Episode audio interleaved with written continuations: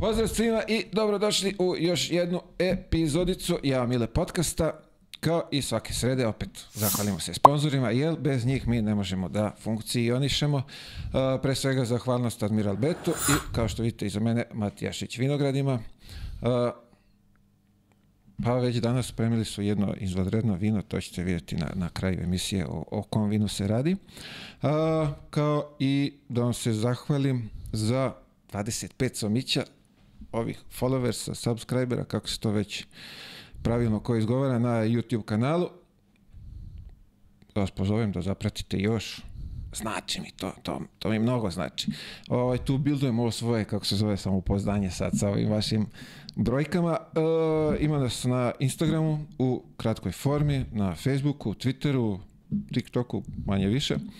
Ali sve što je zanimljivo i lepo je na YouTube kanalu, tako da možete tamo da nas potražite i da pratite. A večeras, danas, ujutru, kako ko bude gledao, imamo jednog izuzetnog gospodina za gosta, legendu čačanske košarke, evropske, kako, odakle, odakle početi i gde završiti? Da.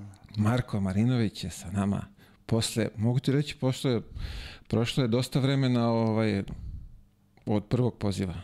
Pa jest. Jest. Pa ima godine, ne, ne znam ima godine, Pa ali dobro.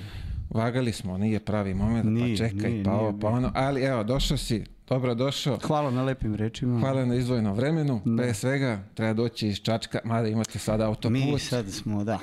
Koliko znači taj autoput vama Veoma, Čačanima? znači, ovaj, skratio nam je dosta, ovaj, pogotovo u ono vreme dok sam ovaj, ja igrao u Beogradu i u Železniku i, i u Zvezdi, ovaj, ta Ibarska magistrala mi je ostala u veoma lepom sećanju, tako da više nikada neću proći tamo. Zvezde, stvarno ne, Pa ne mislim, želiš nema, ili... nije ne želim, nego je taj autoput je skratio baš, baš i lakše se vozi i tako dalje. Ibarska magistrala je, moraš da budeš fokusiran svih dva sata. Tako da, koliko, je, koliko je bilo, ovako imaš sat, sat i 15 minuta do, do, do, do, do aerodroma, do Beograda, dokle god. Tako da je to skraćeno baš onako dobro. Ako je nešto dobro ovaj, što se radi ovde je što se zidaju putevi. I nekako Eto. sve u čačku se ukršta. Kad, kad nastavlja gore za Zlatibor, Pa ka, ne znam, kakvi ja sam, planovi, ja, ja, prognoze? e, čuo sam da, ovaj, da će do kraja godine da završe do Požege, znaš, i to će ono da nama, U, nama, da, nama da oslobodi još, ovaj, kako se zove, Čačak i tamo da, da rastereti Čačak ovaj, tu obilaznicu. I, E, mogu ti reći sad kad si to spomenuo, sad seti. Uh, prošle godine, kad, kad sam... Aj, prvo sad ću da završim priču, pa ću ti ovaj, što si mi ispalio. Ovaj, uh, vraćao sam se Zlatibora do Čačka, ne znam koliko nam je trebalo. Od ulaska od onog prvog semafora do izlaska, dok još nije bio gotov ovaj autoput, sat vremena. pa je, Či šleperi, semafori, Pa da, malo pa po da. malo, malo, Pa da. poludeo sam. bio. imaš 3-4 semafora, imaš dva, tri kružna toka, i dok izađeš tamo na, na, na Ibarsku magistralu, Užas. Ma da. Sad Užas. imaš onaj izlaz u Pakovraću, imaš izlaz tamo u Preljini i onda i sad je mnogo lakše, ali opet bi sa, sa tim ono, do, do Požege, i mislim ne samo do Požege, nego to kad budu probili do, do Crne Gore dole, to će biti ovaj, i tu se spaja onaj moravski koridor. Čovječe, nisam ja drobnjak, maj.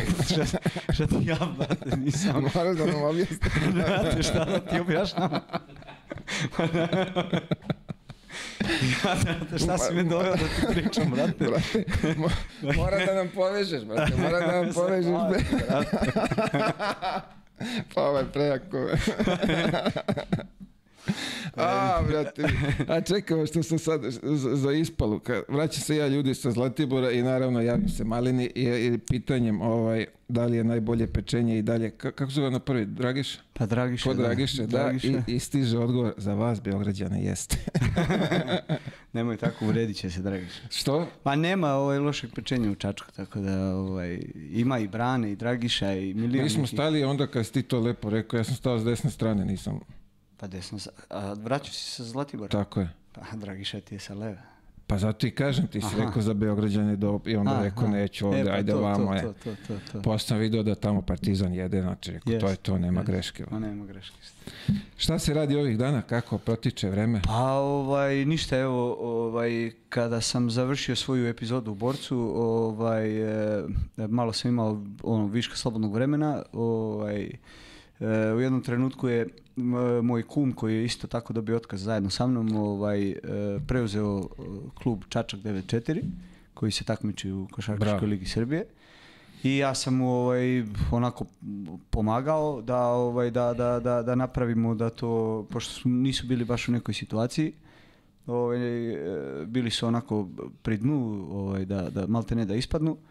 On je to preuzeo, ovaj, to je jedan, ovaj, kako se zove, od, e, sigurno to sam već ponovio negdje, da je to jedan od najzdravijih klubova, jer e, to je klub od jednog našeg velikog prijatelja Vuka Popovića, koji ovaj, opet ćemo pomenut ćemo ga kasnije, ali ovaj veliki zaljubljenik za košarku, sad je bio ovaj najstariji debitant u, u, Vidio sam, ispratio jest, sam, protiv da. Novog pazara, tako njemu se Da ostvarila. poje oko javno da mu čestitamo na, na debiju. Ovaj, ja, ja sam mu se- tamo kroz mreže isto čestitao na E, debiju. Ovaj, evo i ovim putem da mu čestitamo i da mu se zahvalimo za, za sav uložen trud. u Ovaj, Da.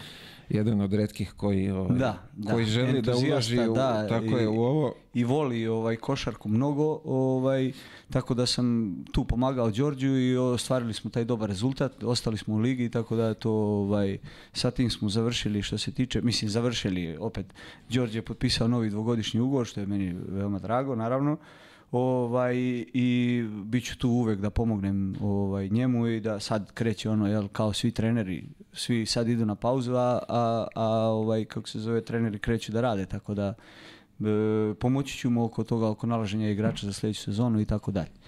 Ujedno u sve to ovaj, ja organizujem i, i ovaj kamp, košarkaški kamp e, Malina koji se ovaj održava, koji će se održati ove godine i treći put za redom. Ovaj opet opet moram da sad e, da, da, da ponovim da je na ideju ovaj e, za taj kamp e, najviše ovaj uticao Vuk Popović jer ovaj, da, jer me on ovaj naterao i rekao ajde da, ajde da pravimo taj kamp, ovaj, može da bude dobra priča.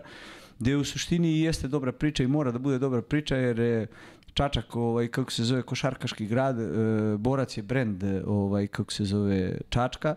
I niko se nije sjetio u 75 godina e, e, istoriji košarkaškog kluba Borac ovaj, zajedno sa Železničarom i tim Čačkom 94 i Mladost ovaj, da napravi kamp u, u Čačku. Gdje je u posljednjih e, prošle sezone recimo ovaj e, Čačak je sigurno jedan od najkošarkaških gradova u, u Srbiji ako ne jedan jedini jer ovaj mi smo ovaj e, ne računajući naravno Beograd ovaj mi smo jedini jedini grad koji ima i e, e, železničar koji igra drugu ligu ima ovaj e, Čačak 94 koji igra KLS i imamo borca koji igra ABA ligu.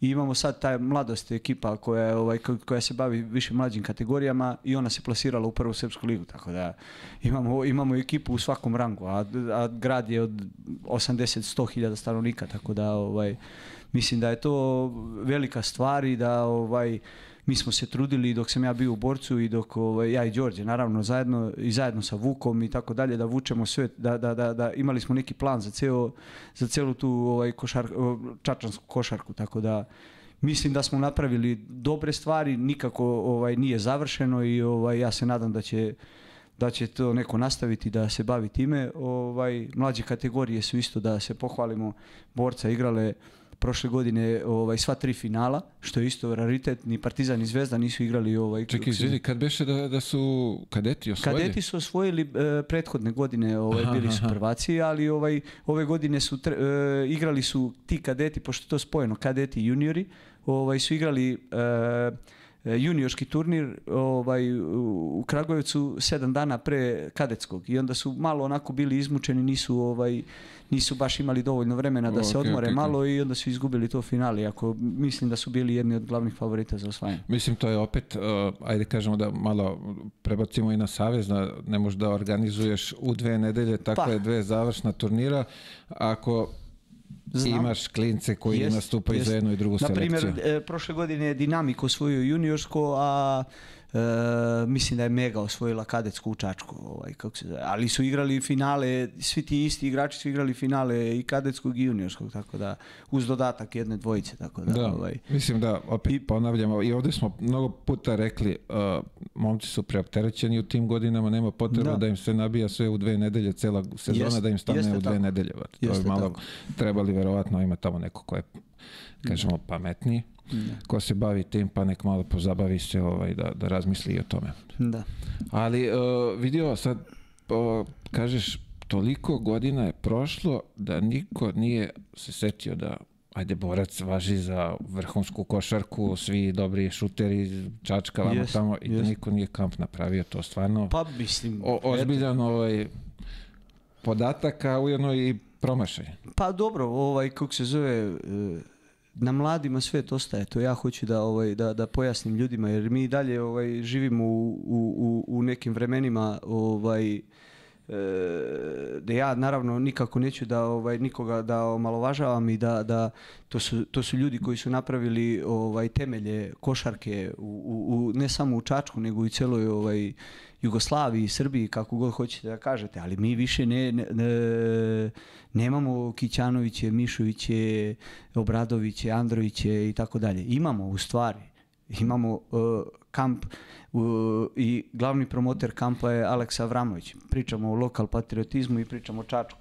Tako da ja hoću da, da, da, da sada da, da poguramo tu priču, da, se, da, da, da, da, nađemo neke nove Ki- Kićanoviće, Mišoviće, Obradoviće i tako dalje. To ste da te pitam, jer, jer ima svih tih novih Kićanovića, Pa, ima, ali treba, da, Ma- Malina, Tripkovića, šta eto, god. da, Dragićevića i tako, Tako dalje. je, znaš, mi smo to, ovaj, e, Jore, eto, na primjer, razumeš, znači, to mi smo... Vidi, zaboravit ćemo sigurno nekog. Da, ne, sigurno da, se neko ne da. naljuti, razumeš, ovaj, ima nas ovaj, koji mi sad, e, sad smo kao mlađi i hoćemo da probamo nešto da promenimo, znaš, hoćemo da probamo da promenimo, hoćemo samim tim što smo posle 30 godina ovaj, se plasirali u ABA ligu, ovaj, e, mislim da je to isto bio veliki rezultat, da smo promovisali ovaj e, domaći igrače, čačanski igrače, razumeš, što je isto bilo mnogo ovaj kako se zove teško sve to ovaj e, e, ukomponovati i ovaj plasirati se u ABA ligu i onda ona prva godina, najteža godina, korona godina kad nemaš, kad smo mi očekivali da će biti puno gledalaca, da će biti ovaj da je, da je dovoljno samo to što smo ušli u ligu, da će sad, ono, znaš, svi pomoći, međutim, mi smo imali sigurno ubedljivo najmanji budžet u istoriji ABA lige i uspeli smo nekako da ostanemo. Ono. Mislim, Primorska je te godine se otkazala, ali ostali smo, da, ostali smo u ligi bez baraža, tako da ovaj, Jasno.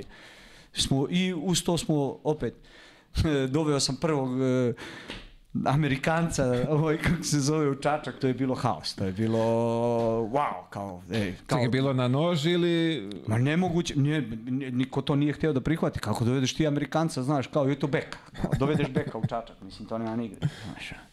Tako da sve je to prošlo i sad su Amerikanci iz Čačka su jedni od najboljih. Ovaj, je, ovaj jedan igra u Limožu, Bryce Jones, ovaj je, ovaj, kako se zove, eh, Hunter je najbolji strelac ABA lige, mislim, I čak evo, sad, na dobrom putu i do BSBD.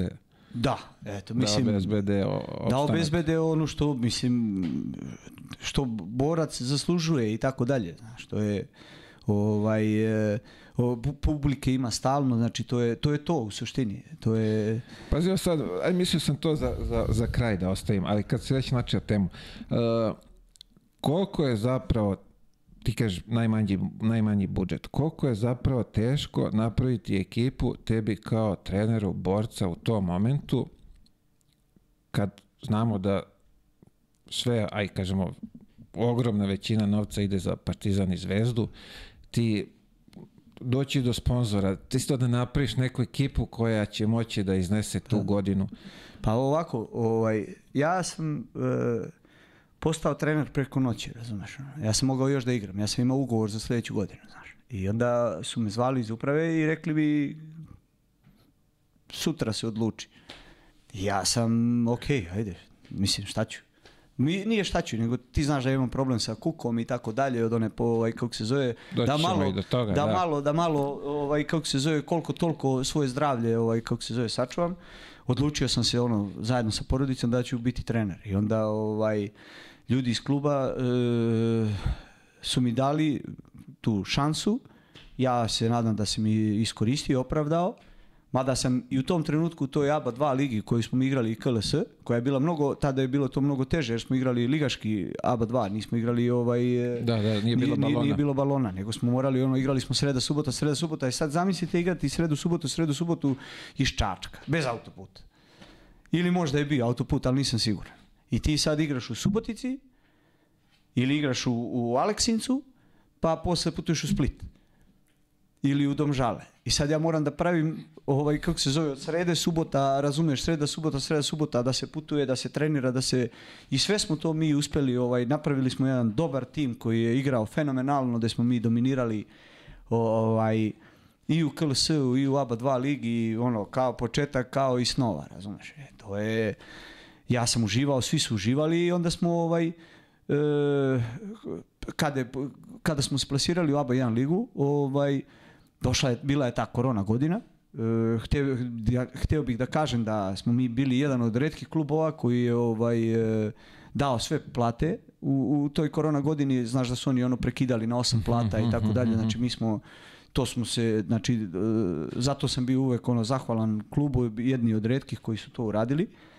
Ovaj, posle toga smo se ovaj, pa, se- igrali tu ABA 1 i mi smo ovaj, onako, i ja sam isto htio da nagradim te momke koji su igrali ABA 2 ligu, da igraju ABA 1 jer sam, e, mahom su svi bili 96, znači tu je ta, ta, ta generacija, ovaj, kako se zove, to su ovaj, momci, njih nekoliko iz Čačka i, i nekoliko sa strane i to je ta generacija 96, to je, znači, e, tad su imali 24 godine. Znači onako ovaj baš ovako ovaj fizički dobra dobra generacija i oni su igrali tu ovaj mi nismo imali naravno dovoljno novca da dovodimo o, ozbiljna pojačanja, uspeli smo da sačuvamo tog Bryce Bryce Jonesa koji je ovaj kako se zove sljedeće godine prešao opet mi iz nemogućnosti da ga zadržimo, prešao u FNP i tako dalje.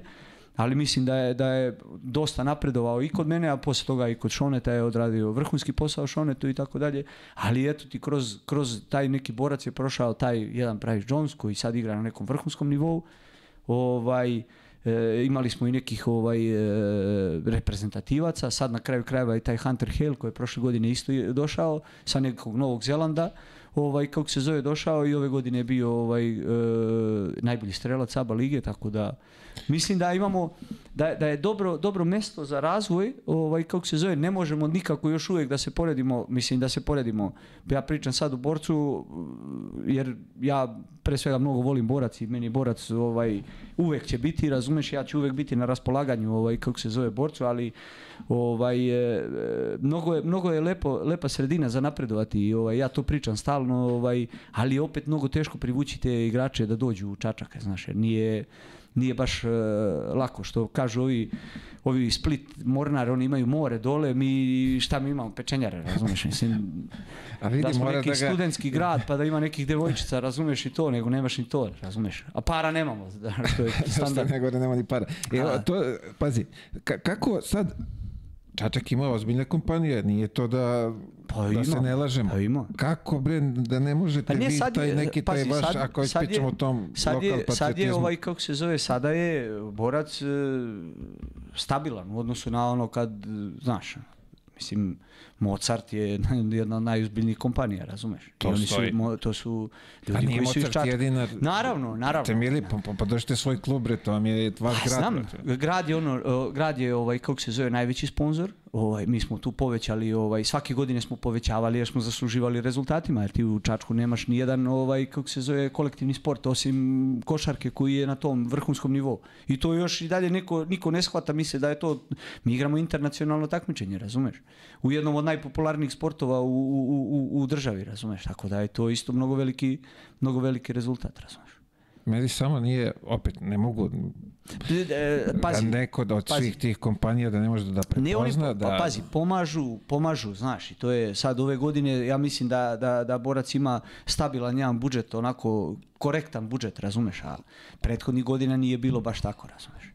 Ja se nadam da će sad to Dobro, možda neko... i njima treba vremena da malo prepoznaju da, ovaj, da Pa, verovatno, otkud znam. Pri tome vi pojma. imate vašu decu, to su vaša deca, ne, Jest. ne dovodite vi mi imamo, ko mi imamo, Partizan. mi imamo našu decu, ali opet e, e, mora da se radi malo ovaj kako se zove taj scouting malo da se potraži neki sa strane, znaš i tako dalje, znaš, mora ovaj da bi išao u korak sa vremenom, znaš. Nije ono, to može- sporno, da, ali kažem, vi ste, sad si nabrojao koliko si imao lokalnih igrača kad Jesam, si krenuo. da, ali sad e, mi, mi idemo, ono što, ti, što sam ti rekao na početku, e, e, mnogo smo mi rezultatski otišli, nismo ispratili, znaš. Da li su ti klinci spremni odmah da idu u ABA 1 ligu, znaš. Apsolutno To je slažem, mnogo veliki razumem, problem. razumem se, e, da. onda se, onda se vraćamo sad na, mi imamo Čačak 94, mi imamo Žele, mi imamo, mi imamo svaki rang, razumiješ.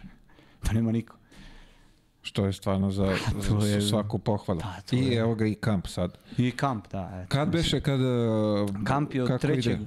od 3. do 10. jula, ovaj, kako se zove, e, kamp je ovaj, e, Čekaj, jedna gradni- samo, o, jedna... Jedna smena, da, ja ovaj kako se zove e, kreću pripreme reprezentacije, ovaj kako se zove, to sam malo pre zaboravio da ti kažem, naravno uz, uz, uz sve ovo što sam radio i dalje radim ovaj kao kao pomoćni trener kod kod kod kouča Pešića i ovaj e, kreće polovinom jula će verovatno krenuti i pripreme za, za, za, za, za, za predstojeće svetsko prvenstvo i iz tog razloga ne možemo da, da napravimo, jer ja neću biti tu, pa pravimo samo jednu smenu kampa. Ovaj, e, e, kamp, kamp je e, e, osmišljen i, i, i uz pomoć, veliku pomoć ovaj, gradske uprave i ovaj, kako se zove, e, ljudi koji, koji prepoznaju to, ovaj, bez njih ja to sigurno ne bih mogao da izvedem. E, kamp će biti na, na, na, na terenima sportskog centra Mladost, to je ono što sam ti pričao malo pre, znači to je jedan od najlepših ovaj, sportskih centara sada već u, u, u, u Srbiji, jer tu je u, pored te naše gradske plaže i ovaj kako se zove i, i, i najpopularnijih mesta za, za izlazak ovaj i ispijanje kafa ovaj leti ovaj su i fudbalski tereni i ovaj sada je spojena i naša legendarna ovaj hala koja je ovaj i oko hale tereni imamo tu i atletsku stazu i bazene i sve je to spojeno ovaj e, e, jednim bedemom gdje deca ne moraju da izlaze na ulicu i tako dalje i tako dalje i učenički dom koji je ovaj kako se zove tu je smeštaj za, za, za te klince Mhm, gdje nemaju ni jednog trenutka da idu ovaj na ulicu i tako dalje znači nema nikakvih ovaj Sigurno bezbedno, sve na sigurno bezbedno. mestu. Jest, A koji kapacitet? Kako to? Kapacitet je e, do sada bio e, 140-150 klinaca, znaš.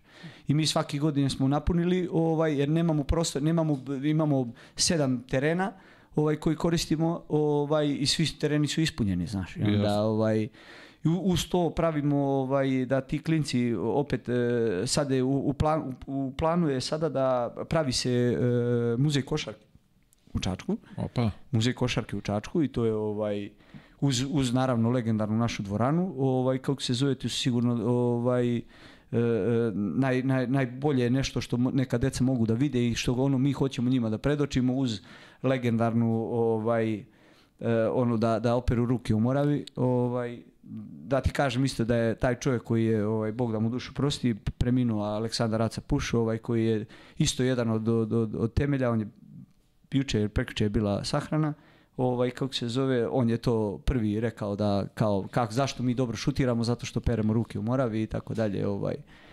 Tako da ima, ima dosta sadržaja, ovaj, e, cilj nam je da deca uz to što će naučiti da, da, da, da ne- neke nove ovaj, košarkaške ovaj poteze da, da ih malo da, da se i zabave ovaj. Imat ćemo i par izleta u našu ovaj ovčarsko kablarsku klisuru sad sam malo turistička organizacija Čačka Dobro, vidite, ja promovišemo, tu smo da promovišemo lepotu. ovaj da Sad si ovaj malo E, pre bio ovaj, mrka, ovaj priča- kako se zove, sad sad sad sam, da, sad.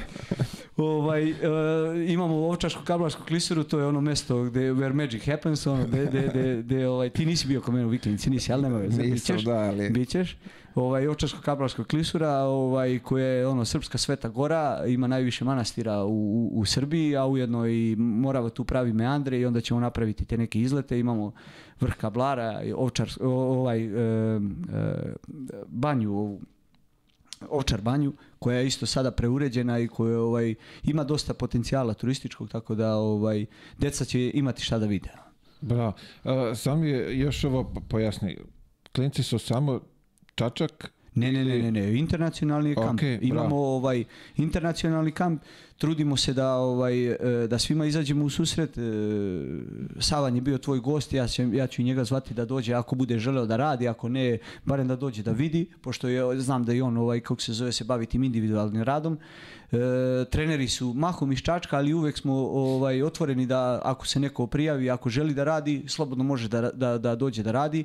Imaćemo i te neke dodatne, ne želimo da da sad kao naplaćujemo nešto ekstra dodatno te, te ovaj dodatne treninge, ovaj imat ćemo i te, te gdje će raditi ta deca neka koja budu željela da rade ovaj ekstra pored tih ovaj svih kamperskih aktivnosti, radit će sa, sa mnom i sa Đorđem u nekim ovaj kako se zove odvojenim i sa još par tu trenera ovaj kako se zove iskusnih koji već odavno rade sa, sa mladima tako da ovaj ima, imamo sve preduslove da, da to bude sve onako kako treba. Ajde, držimo palčeve. Uh, Hvala. vidjet ćemo, nadam se da ćemo ovaj, imati prilike dođemo da posjetimo, Pa da eto, obiđemo mislim, eto, to. Da. Boki je bio, razumeš, Nalatit ćemo sat vremena sad novim pa da, autoputem. sat vremena moći ćemo i, da idemo kod, dana. kod, kod Dragiša. Kod Dragiš. Ajde da mu, ovo, da mu se izvinemo za To, ovo to, sad, da to, ne to. bude da smo ovaj, oblatili čovjeka. To, to. to je tvoja poruka bila, nemoj sad Dobro, da, dobro. da se izlačiš. ovaj, ajde, vidi, zanimljivo, bravo. Možemo da svratimo, možemo napravimo i reportažu. Uvek. Pa da, ponesemo opremu. Uvek. Napravi, ajde, vidiš, I ono igramo ja i ti jedan na jedan. Nećemo, te, Nećemo. te penzionerske stvari, ja sam ovaj, sa loptom odavno završio. To, to. ovaj, da se ne brukam. Uh, ajde ovako, daj malo da prečešljamo uh, ABA playoff, playout, Euroligicu tu, NBA playoff, koliko šta uhvatimo, krenulo je sad što se, rekao, Jeste. što se tiče to, te završnice. Borac je ovaj napravio je Postaje ovaj, mislim sve zanimljivije i zanimljivije. Ovaj, pa eto, mislim, o, juče sam gledao utakmicu, Borac je onako dominantno, ovaj, mislim da je, mislim da je, da je, da je baš razlika između ABA, ABA 1 i ABA 2, znaš. I to pokazuju ti, ti baraži koji su već odigrani dve, tri godine unazad, razumeš. Tako da, pogotovo sa prednošću domaćeg terena i pogotovo Borac što ima prednost domaćeg terena, tako da ovaj, mislim da, da je Borac tu favorit. Da, Ja vidiš sad kad si to rekao, bilo bi zanimljivo kad bi prednost domaćeg terena imao ovaj iz ABA 2 lige. Tu bi onda možda već moglo malo da se Pa zagolica možda. neizvestnosti neke. Možda, možda. Ali opet je razlika Ali opet je ogromna, da. razlika, znaš, ovaj, baš, baš onako ovaj, velika. U korist. euroligaške ekipe, Jeste, jače vamo dok je Eurokupe, tamo da, da. baloni drži, Da. ne da. Fizički su jači, znaš, fizički su ovaj, dominantniji, onako, znaš. Nema, nema ko da čuva eh, Lešića, Gagića, Huntera. I mislim, je. oni, oni prave prevagu, razumeš? ono. To je Baldwin, ovaj, oni su, ovaj, kako se zove, juče dali 50 poena, oni Hunter Hill, tako da. Pazi, ali bili su, bila neka serija, prišli su. Boga Jesu mi, prišli, pa prišli, prišli to, na, pet, da. na pet razlike, ali opet znaš, ono, Hunter uzme loptu i čovjek šutne e, tri trojke sa 10 metara i to ne, neodbranjivo, razumeš? I ode na 15 i to je to. To ćao. se ne, to se ne Pa ne brani. se, pa da. Pa, Ajde, vidjet ćemo, ima sad, e, kad mi budemo ovo emitovali, to će već bude i go, Bož zdravlje i gotovo, Pa. tako, druga, ne znam, kad, kad se igra druga EU, U petak. vidjet ćemo, to će bude završena serija, verovatno, ovaj, dok mi pustimo ovo u etar. Uh, Partizan, Partizan, ovaj, ma, ja ne znam, ono, mislim. reci kako utakmica. Ma, strava. Znači ja Kakav NBA finale? odavno, odavno, odavno nisam, ovaj, uživam u svakoj utakmici, znaš, ono. stvarno. I ovo sad u po, po- posljednjih, ovaj, kako se zove, ovaj, e, ma, od kako sam ovo malo dobio više vremena, jedva čekam kad će da dođe utakmica. Mislim, neću sad da, da, da zvuči ovaj, i, i, Zvezda isto igra odlično, da ne bi neko pogrešno nešto shvatio, razumeš, ali Partizan igra stvarno, imaju te, i, i ne- neverovatni su, znaš, onako, i, i, i, i, i nekako su zreli u odnosu na prošlu sezonu, znaš. Vidi, oni su zreli sad nego na početku ove sezone. To ti ja pričam, da. Da, da. Neverovatna razlika. Ono, znaš, početak je bio, viš, Bože, viš ti kako, sačuvaj. viš ti kako kad, kad krene taj, kad, kad kreneš da dobijaš, razumeš, kako te to motiviše, kako kako, to? kako nikome ništa nije lako. E, teško u stvari, razumeš. Svi mogu sve. Samopouzdanje do neba. Samopouzdanje, ma da, ma da, ma da. I, i Željkova energija, to je, to je van svake pameti, to je nemoguće. Ne znam Ja sam imao, energiju, ja sam ali imao ovi momci priliku, šta rade na terenu. ja sam, ja sam imao priliku, eto to, ovaj, kako se zove, to ti možda ne znaš, u toj korona godini kad sam trenirao borac, on je imao tim. I on je došao nama pomagao malo, razumeš? Majke. Da. I on je došao nama pomagao i ti to nisi video, razumeš? To je, uzeo tablu ovako i ne da nam tablu.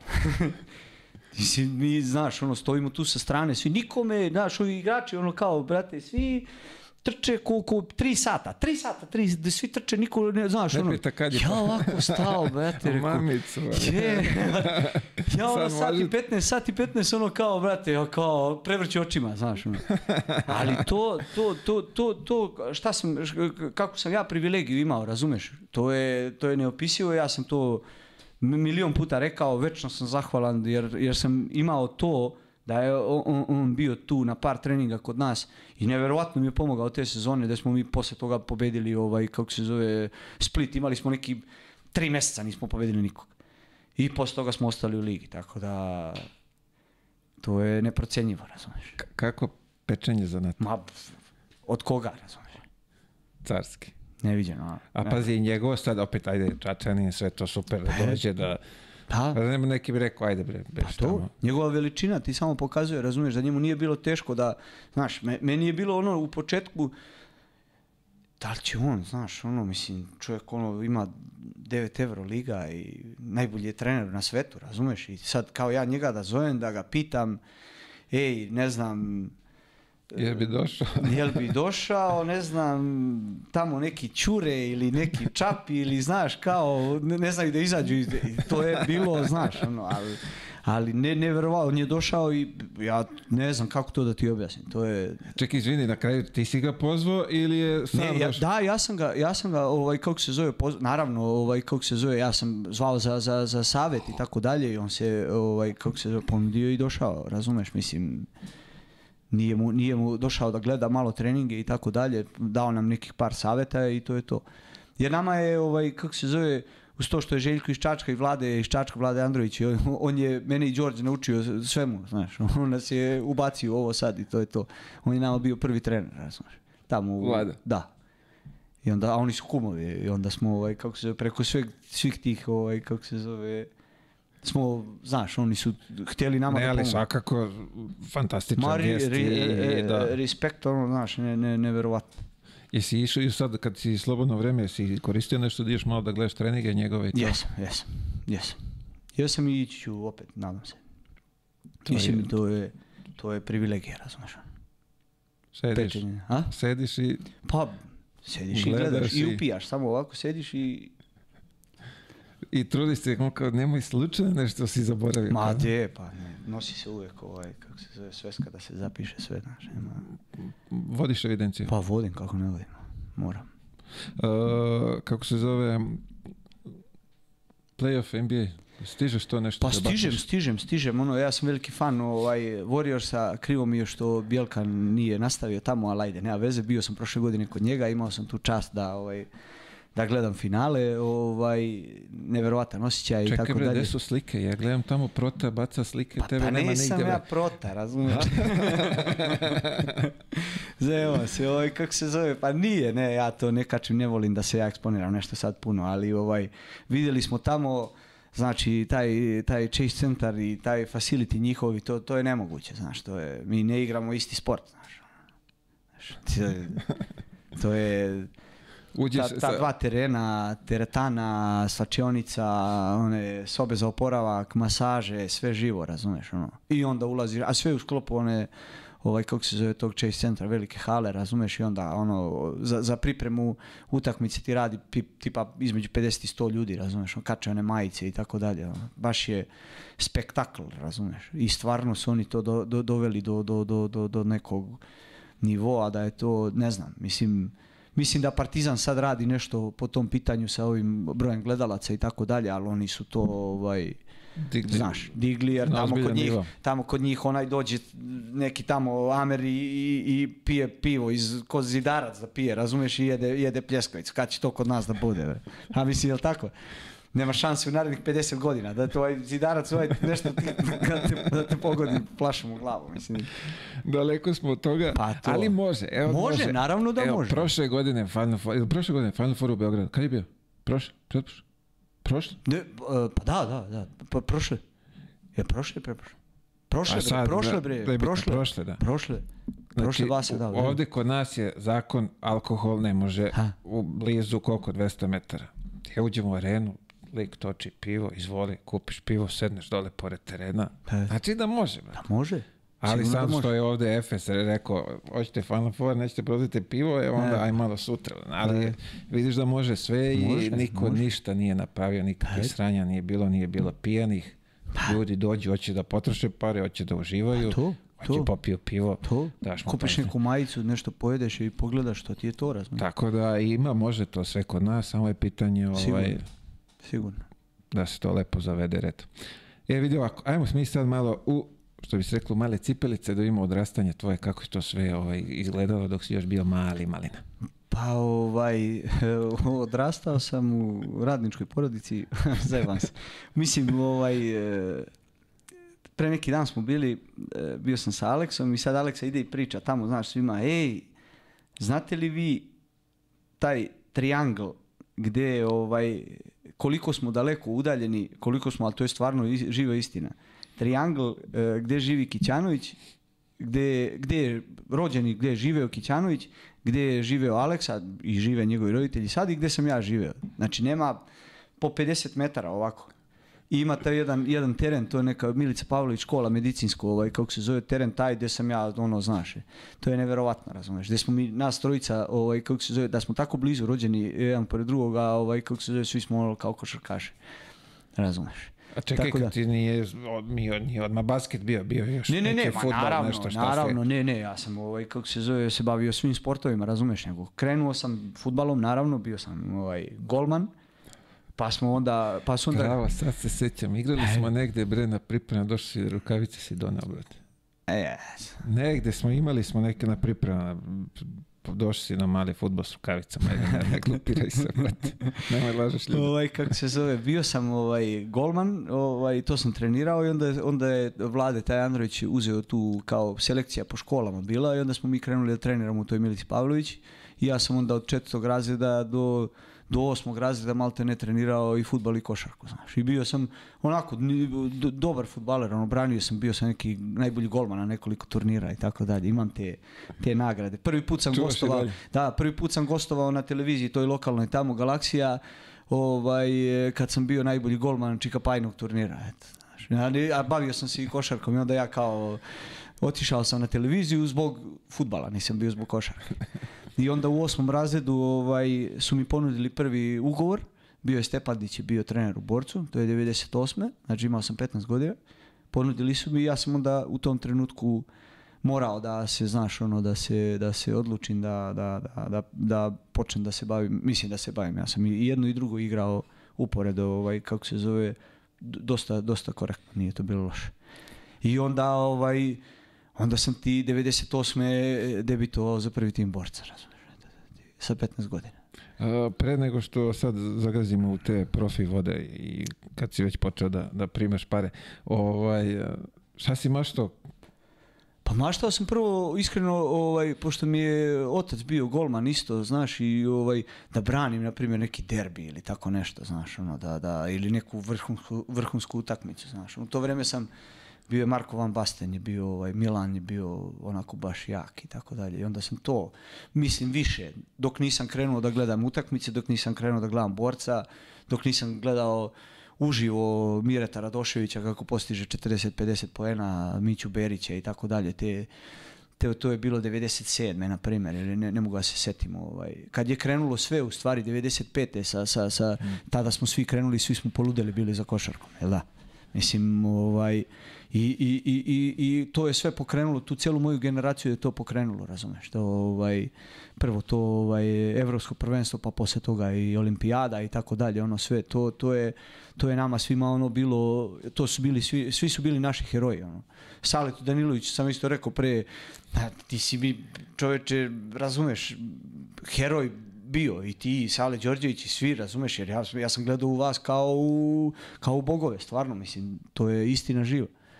Razumeš, tako da to je sve pokrenulo tu celu priču oko košarke i, i posle kada već ovaj, ti postižeš neke rezultate i prelaziš već u prvi tim i to postaje neki profesionalizam, gde sam ja opet zagazio i malo, možda i malo ranije, i malo ranije postao, ovaj, kako se zove, i glava ovaj, u, u porodice, razumiješ, jer sam počeo da zarađujem novac, Ćali i Keva su radili u, u državnim firmama, u, u remontu i u ceru, razumiješ, ono, bombardovanje 99. nema ni cera ni, ni remonta, razumiješ, a ja, ja tad imam 16 godina, razumiješ, i već moram da, mislim, moram, počeo sam da zarađujem pare koje su bile ovaj, e, e, dovoljne za izdržavanje porodice. Živjeli smo u 42,5 kvadrata, razumeš, ja, sestra, ovaj, otac, majka i baba, razumeš, i onda sam ja morao, tu sam video neki izlaz iz cele te situacije, razumeš, iako sam odrastao na ulici sve vreme i, ovaj, i, i, i, i znao sve ovaj, te sa ulice i tako dalje, razumeš, ali sam,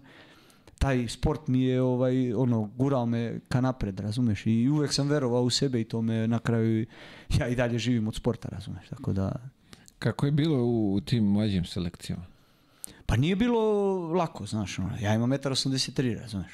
Ja sam bio sam jedan od najnižih, razumeš?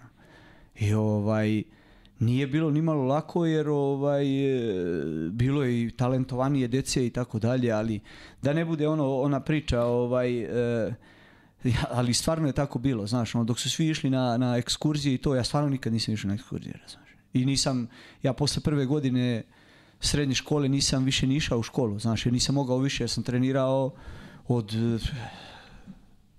bio je Jolly, tad to po, po, počeo da bude trener. Kunem ti se životom.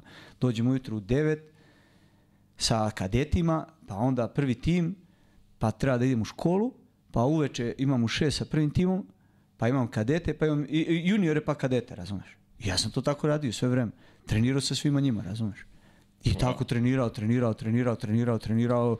I jednom sam došao kući i rekao, Kevi, rekao, slušaj, mama, ja više ne mogu u školu majke. mi." Jer nisam fizički mogao da izdržim to sve to, razumeš?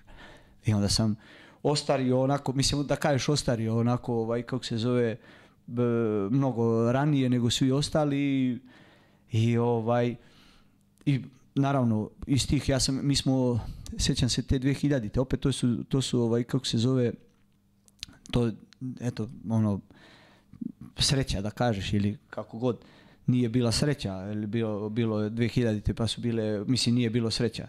2000-te bile pad SPS-a ovaj kako se zove mi smo bili ta ono klub koji je bio ovaj kako se zove dobrostojeći borac i ovaj kako je pao SPS mi nismo imali više nije to više bio taj borac i borac je u tom trenutku bio u prve dve tri ekipe ovaj ono Hemofarm se tek tek se pojavljivao razumeš i mi smo onda kao kadeti, ja sam kao kadet preskočio juniore i morao da idem da igram za prvi tim non stop, razumeš, ta 2000 kad smo mi ispali iz lige. Wow. Ispali smo mi i Beo Petrol, znaš. Ja sam od 2000 2001 bio jedini playmaker na, na znaš, ono, Jolly je bio trener, ovaj, kako se zove, e, Stepi nas je napustio, ovaj, ono, tipa tri dana pred početak, jer su bili oni nemeri, 5. oktobar je bio, razumeš. I mi smo, ovaj, e, sa tako mladom ekipom, ono, ja imam 17-18 godina, onda su morali svi da igraju, svi ti juniori, onda smo krenuli jo, Jore, Krca, Jevđa, ovaj, kako se zove, Brale i ne znam tu, cijela ta ekipa ovaj moja, ona tamo iz Čačka, svi ti juniori, mi nismo igrali tu juniorsku ligu, razumeš, gde bi možda, a- ako ne bi osvojili, bili bi među, među prvima, razumeš, ovaj, morali smo da igramo za, Da, za, za da, prvi da, tim. da.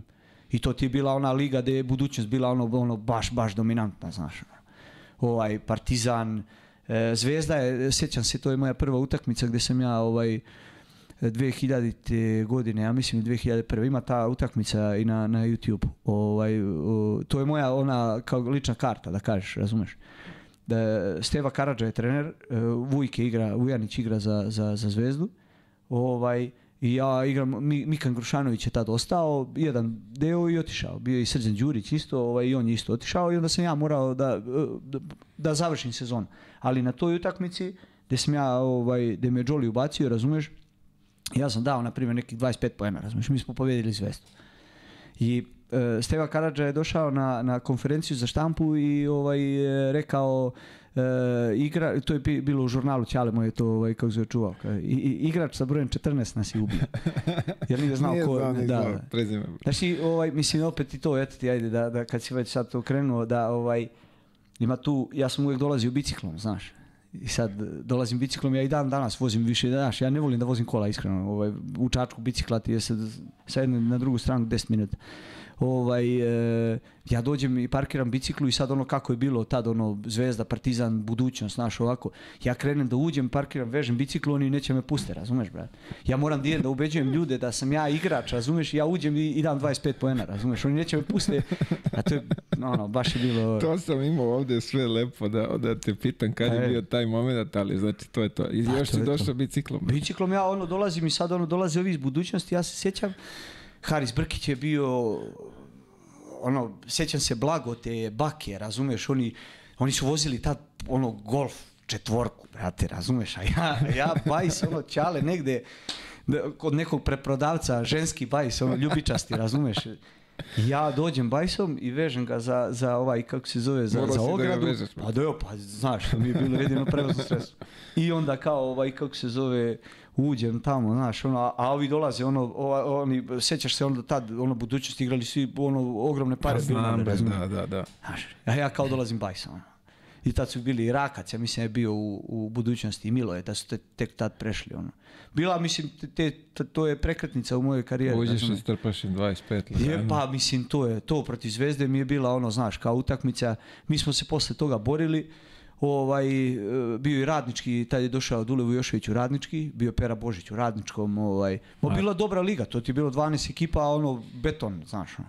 To je- ispali Čekaj, smo pričaš o, to je ova godina kad što priča Milutin i ovo kad su igrali Beopetrol i oni ko će ispasti. jeste je, Aha, i Zvezda aha. ti je bila pa Tako je. Zvezda mi i oni razumeš ispali smo mi i Beo Petrov mislim da je Zvezda ispadne Bruka i sramota. Milutine Milutin.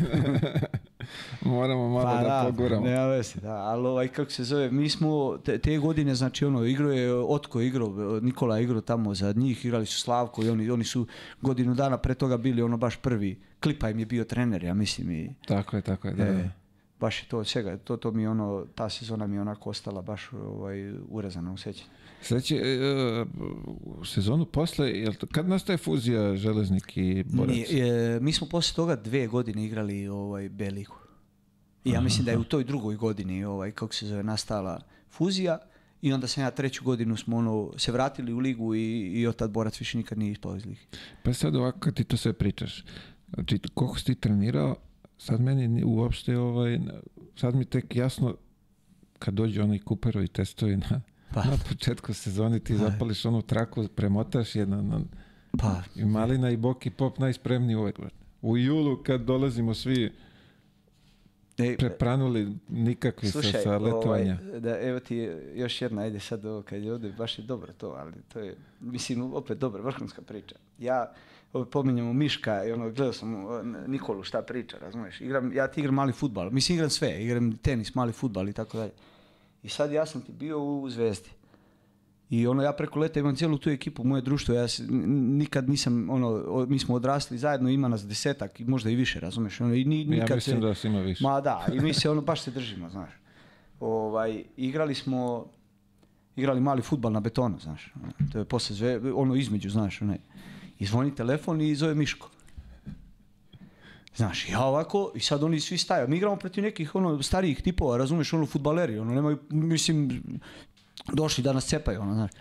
I ja se ovaj, kako se zove, ja, ja ovako i kao ljudi, sačekajte, zove Miško, razumeš. ja ovako i on pita, jel bi išao u Valenciju, razumeš. Ja kažem, rekao, čovječe, mislim, Kako Valenciju. Pa kao, aj, znaš ovo ono, ajde tamo to on sa Riletom tamo, ovaj, pošto mi je Rile bio, ovaj, kako se zove, menadžer, ovaj, kako se zove, ajde, kao, završit ćemo sve. Ja spuštam ovako, rekao, sad me zvao Miško, da idem u Valenciju. Ovaj jedan stao tu neki mator i kaže, brate, si ti mentalac, brate. Umjesto da držiš noge u niveji, ti, ti, ti igraš na ovom betonu da ti neko polomi nogu, razumeš, brate? Znači, nevjerovatno. Eto, mislim... Ali dobro, nisi u igru uporedu koji i, i Otaš, brate. Ne, ne, ne, ne, ne, nisam ja to, ne, kakvi, ligu, ne, ne, ne, ne, ne igram ja taj veliki futbol, to je ono, znaš, a ja sam ovaj, Ti ove na malić. male, a, one, ovaj, kako se zove, na rukomet. To, to, to. Tako da, ovaj, to ti je, zato, zato sam bio stalno spreman, znaš, jer sam to non stop, ja, ja Nije preko leta, ma kakve pauze, znaš, u svo to, ono, znaš, e, druženje, i ta vikendica i sve to, razumeš, mi smo uvek ovaj, e, ja sam se trudio da ih organizujem nekako da imamo trudio sam se da ta moja ekipa uvek bude najbolja, razumeš, u, u, u čemu god da se takmiče, znaš. Imali i basket turniri ili, ili ovaj, kako se, futbalski turniri ili to između, kao, znaš, krajeva tamo u Čačku, znaš, ono, ja sam uvek se trudio da, da, Čekaj, da budem išao i na basket turnire. Jesam, jesam, jesam. Pa jesam. Za- za Pa vreme- imaš, imaš žele, žele ono najpoznatiji, najstariji turnir ovaj, na želovom tamo, razumeš, to ti je najstariji turnir na svetu, razumeš. 3, 3 na 3. Nije ovo 3x3, nego ono 3 Ona, na 3, ona da, laganica, da. ono basket, ono, do 21. Dominacija. Pa, brate, Sramota. pa ne da Sramota nikom. da se. Jok, jest. Ko je rekao, kako, rekao Bokitanović? Kad ode na termin, kao, šta pa ja sam platio da šutiram, nisam došao da to. dodajemo. tako i ti, brate. Pa jest tako, jest tako. A u, brate, znači svi, leto je za sve sportove i svi moraju budu spremni. Pa, brate, razumeš, to ti je Pa tako je. ti bre ko vojsku da imaš. brate. Pa, pa i vojsko je. To su, ovaj, kako se zove, se, prijatelji, sad su se, znaš, ono, mi smo tad bili klinci, razumeš, ono, sad dosta njih ima porodice, neki i nemaju, ono, trudimo se da im nađemo porodice i to, ali, ali u suštini to je to, razumeš. To je ta ekipa, bravo. Jeste. Vidio, moj, moj prvi susret sa tobom, ja mislim, bio je za, za put za, za, za Koreju. E, pa eto. Je li tako bilo? Pa jest. Nismo pre, ne, nismo se Mislim pre, da ti si godinu starije, da, i Da, nismo. da, nismo, nismo, nismo. Kako se sećaš ti, ti te Znate, avanture? pa, znaš ti kako se to sve izdešavalo, sad ću ti ja ispričam. Ja, o, mi smo tad ono, to, to ti je bila ona fuzija sa FNP-om. I ovaj, kako se zove, mi smo bili, e, sećam se, vi ste bili, FNP je bio gore u onim, kako se zove, Lovćan, ono odmaralište, jel beše je, Lovćan, ne? tako je. A mi smo bili Olimpu kod Kićana, razumeš? A, Borac, Okej. znaš. I nama je bio Boško, nama je tek došao Boško za, za, za, za trenera. I ovaj, ja odem, ono, trčali, znaš ono kako je bilo. Ono, ovamo bio Mika Švraka, mi smo ovamo imali ovog Acu Bijelića, ono trčiš, brate, po onim livadama, ne, ne, po, po, po ceo dan, razumeš. I trčali, trčali, trčali i meni je otišla zadnja loža, razumeš, ovaj, kako se zove u nekom trčanju. I onda je Zore, valjda, jel, ja nemam pojma šta je bilo, ono, Zore, tu, Zore na čašu isekao, isekao nogu, Zorovski. Bravo, vidiš sad kad si rekao, Znaš, da, da, I oni su da, da. morali nekoga da nađu da ide sa vama, razumeš? Jer ja nisam bio planiran da idem sa vama. Majke ti. Da. I oni mene zovnu, pa mene su uzeli sa priprema borca da idem, ovaj, kako Ti se zove. Brale, jel tako je? Ti i Brale Jest, ste ja i došli. Brale, Tako je, jest, da. jest, Ali viš nisam, totalno za, E, prošlo je mnogo, ne mogu svega da se setim. Da. E, e. Bravo. I to i onda smo išli ono u Južnu Koreju, ono mislim. A Reci put, brate. Ma šta ti je, brate, haos. London dva dana. Ma beš, šta. Sa Đurom, ono trčanje, tamo u Londonu, ono ispred hotela. ono. Ja, da. Havarija, lagani jogging po oko hotela. Vrlo Pa, i, pa, pa igranje, igranje karata u, u, u ovom, kako se zove, u avionu. Pa. Ne, u avionu. Đura, Đura gubi, pa, pa znaš ono kad je Đura gubio, igrali su To je na aerodromu Vule. bilo, brate. Ma ne bre u avionu kad je Đura gubio, a Vule, Vule Avdalović, ne Vule Avdalović, Vule Mandić i, i Dal Brale, neko ono, deru, deru Đuru, razumeš, i, i Đura u jednom trenutku, joj nije mi dobro, ono, a, a ovaj, kako se zove Stanojković, doktor, kao dajte mu, dajte mu prostora i on leže, ono, na, na, na, cijelom ono, kao, znaš, ma da, pozivamo, a ovi ga deru tamo, razumeš, ono, u kartama piše, to je Vidi, ali sad skoro sam ovdje nekom prepričavao. Gde sam bio u stvari? Pričao sam za, kad smo naleteli na ove futbalere Chelsea jeste, u hotelu. jeste, jeste. Onaj, kako se zvao, onaj jedan mnogo dobar. Jimmy Floyd je Jest, bio jest, i. Desai, ako se ja taj. da. Kad je Vule uzeo Da, da, autogram. da. Sjećaš se, brate, ono stalo vreme, oni igraju ono utakmica u četiri, brate, u Londonu ništa ne radi, brate, sve, ono, ništa, to mi je ostalo, ono, baš u sećanju. Znaš, ono, kad je utakmica, kad je ta, u četiri, u tri, kad oni igraju, ono, znaš, kad je taj njihov termin, ono, nedeljom ili kad? Moguće, ne, da, da. E, brate, ono, ništa, samo na televizorima oni, teleteksti kao rezultati, ono, svih liga je. Šta je to, kako oni žive za taj futbol, ne, to je neviđeno. Havari, ali to je, to je bilo. Šta tamo se, šta ti je ostalo u sećanju u, iz Koreje? Pa, znaš, ono, ovaj, kako se zove, osvojili smo to, bili smo prvi, razumeš, ono, sjećam se, e, znaš šta je isto tad bilo? Ja mislim da je uh, Vukica se drao da je Partizan izbacio Newcastle, znaš, da li su se bilo to? plasirali u Ligu šampiona, da, da. To je tad bilo, sigurno. A ovo, ovo, mislim, cijel taj, cijel, cijel put sve je bilo ono i ono što smo igrali protiv onih nekih indijanaca, pa poslije malo neke ono malo jače utakmice i to i što smo ono na kraju sve osvojili i što smo sve pobedili, to je bilo najjače. Tamo su bili, ko, ono, bre, bile, bi- bile o, Milica Dabović, bili, bili o, ta reprezentacija ženska isto bila. Ko je još bio od, od tih poznatih sa nama? Ne mogu Nismo mi putovali, ne, kako sad oni, brada? Ne, ne, oni su bili, kad smo bili bre tamo u... U selu, U ono. selu, pa to, Aha, za selo ti pričam, za selo, bravo. za selo. Mi Ne, smo mi smo putovali nešto- ovamo, ma da, da. Mi smo išli luksuzno. To, to, to. 24 sata do Koreje, kao da. smo kolima krenuli. Ali, ali onaj do- do- dolazak tamo u šest ujutru i utakmica u dva, ne. Da, da, da, da. Izašli na terenu i svi isti, brate. Je bre, protiv, protiv Koreje, kad smo, ili Ne, protiv Tajpe- Tajpe, Tajpe, Tajpe, Tajpe, Tajpe, kineski Tajpe. Sjećam se toga, brate. Kad smo gubili nešto, bre, čovječe. Jedva, bre. Mm. Jedva, šta pa onaj centar ima 160, brate.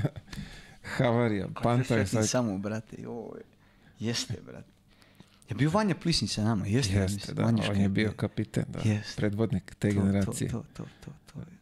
Carski. Ha, dobro, vi ste posle otišli za Japan, imali ste tu ovaj... Dobro, da, da, da. Ja nisam da. imao tu mogućnost. Ja da. sam morao sa stanojkom nazad. Da, Nije prežalio nikad. da. A, prelazak u železnik. Kako smo te ovaj, dočekali? Kako je to sve? Pa eto, ovaj, ti znaš da sam e, e, e, e, godinu dana pre su došli Jore i Krca, ja mislim, a mi smo došli, ovaj, kako se ja i Đorđe smo došli te, te godine kad smo ušli sa borcem, kad smo uveli borac u, u prvu ligu, znaš. I onda nismo igrali KLS, nego smo pravo iz druge lige ušli u ABA 1. I onda smo igrali, znaš, ono, ovaj, e, meni je to bilo, znaš, ja cijel život se, opet ono pričam ti, takmičim se sam sa sobom prvo, razumeš, pa poslije sa svima i sjećaš se da, ovaj, da u onih prvih 3-4 kola, stvari ono prvo kolo moje, prva moja internacionalna utakmica u onoj Ankariju protiv Turk Telekoma kad smo igrali, da sam bio MVP Eurokupa, ovaj, kako se zove, tog kola. Dao sam 37 poena tako nešto, razumiješ. I da sam, poslije toga je bio onaj Dinamo Moskva bila mnogo jaka i bilo ti je, da sam ja igrao još nešto, nisam. I onda sam imao udes. Znaš što je bilo, ja sam igrao Ankaru i Dinamo Moskvu. Tako je, mi smo čekali tebe put za, za, za Sofiju. Za tako? Sofiju, jest. Ri- Rilski, tako? Ne, ne, ne, Lukoil. Lukoil. Lukoil. I Sigurno? mi, jeste, jeste, Da, Lukoil, ti, o. ti bio trener. Ovaj, kako se zove, mi smo, ovaj, e, ne, nemoguće, znaš, eto ti, to ti je, ono, život. Znaš, mi, ja, ja, ja sam se osjećao vrlo dobro, mnogo dobro, ono, znaš, nov, nikome ne zna i tako dalje. Boki je tu bio, ono, znaš, ja i Boki zajedno i to, ovaj, Boško kao trener koji, ono, me- meni mene je preporodio i, ono, ovaj, da sam ja, ono, tavorio dve, tri godine u toj B ligi i onda sam, znaš, odjednom sa njim, kad je on došao, otišao u FNP, ono, i to sve. I, ovaj, eto to jutro smo ustali svi, znaš, ja sam živio sa Đotom i sa Viljašem, znaš, i ustali smo svi, malo onako smo kao kasnili, znaš, i onda u onoj vodovodskoj ulici ovaj čovjek ispred mene zakoči, ja zakočio isto i ono, ovaj, najđe onaj gradski autobus u suprotnom smeru, razumeš, ono. a mi vozili onog Twinga, sad ja vozio Twinga, ja, a ja vozio. Pa da, kleo si se ti da je Čingo najbolji Pa auto na jesam se, svetu. pa jesam se kleo. Ma mislim, eto, spasao me, nisam poginuo, razumeš? eto. To je ono, no, no, novorodio sam se, razumeš? Mislim, da, da ne pričamo o kliju, imao sam puno sreće, doživio sam neku ovaj, tešku povredu, koju, za koju niko, znaš, e, nijedan e, profesionalni sportista ne može, da je teško, teško da iščašiš kuk, razumeš, znači nema, ne može da se iščaši kuk. To ka- kažu da tamo ono kad su kad su ovaj mučili ono ono davno ovaj kad su mučili kad su vezivali ljude između između konja da da nikad kuk nije mogao da se da se znaš ono Da tako da išne. jeste Wow. tako znači silina tog udarca je bila neverovatna znaš i taj dan ja to nikada neću to su bolovi bili znači neverovatni neverovatni znači ovaj i, i, i cijel dan ono da li da me otvaraju da me ne otvaraju hoće neće hoće o, sa Mićom tamo ovaj kako se zove Stanojkovićem u, u, tamo na banjici pa Boris ovaj kako se zove doktor pa svi živi tu koji su bili i onda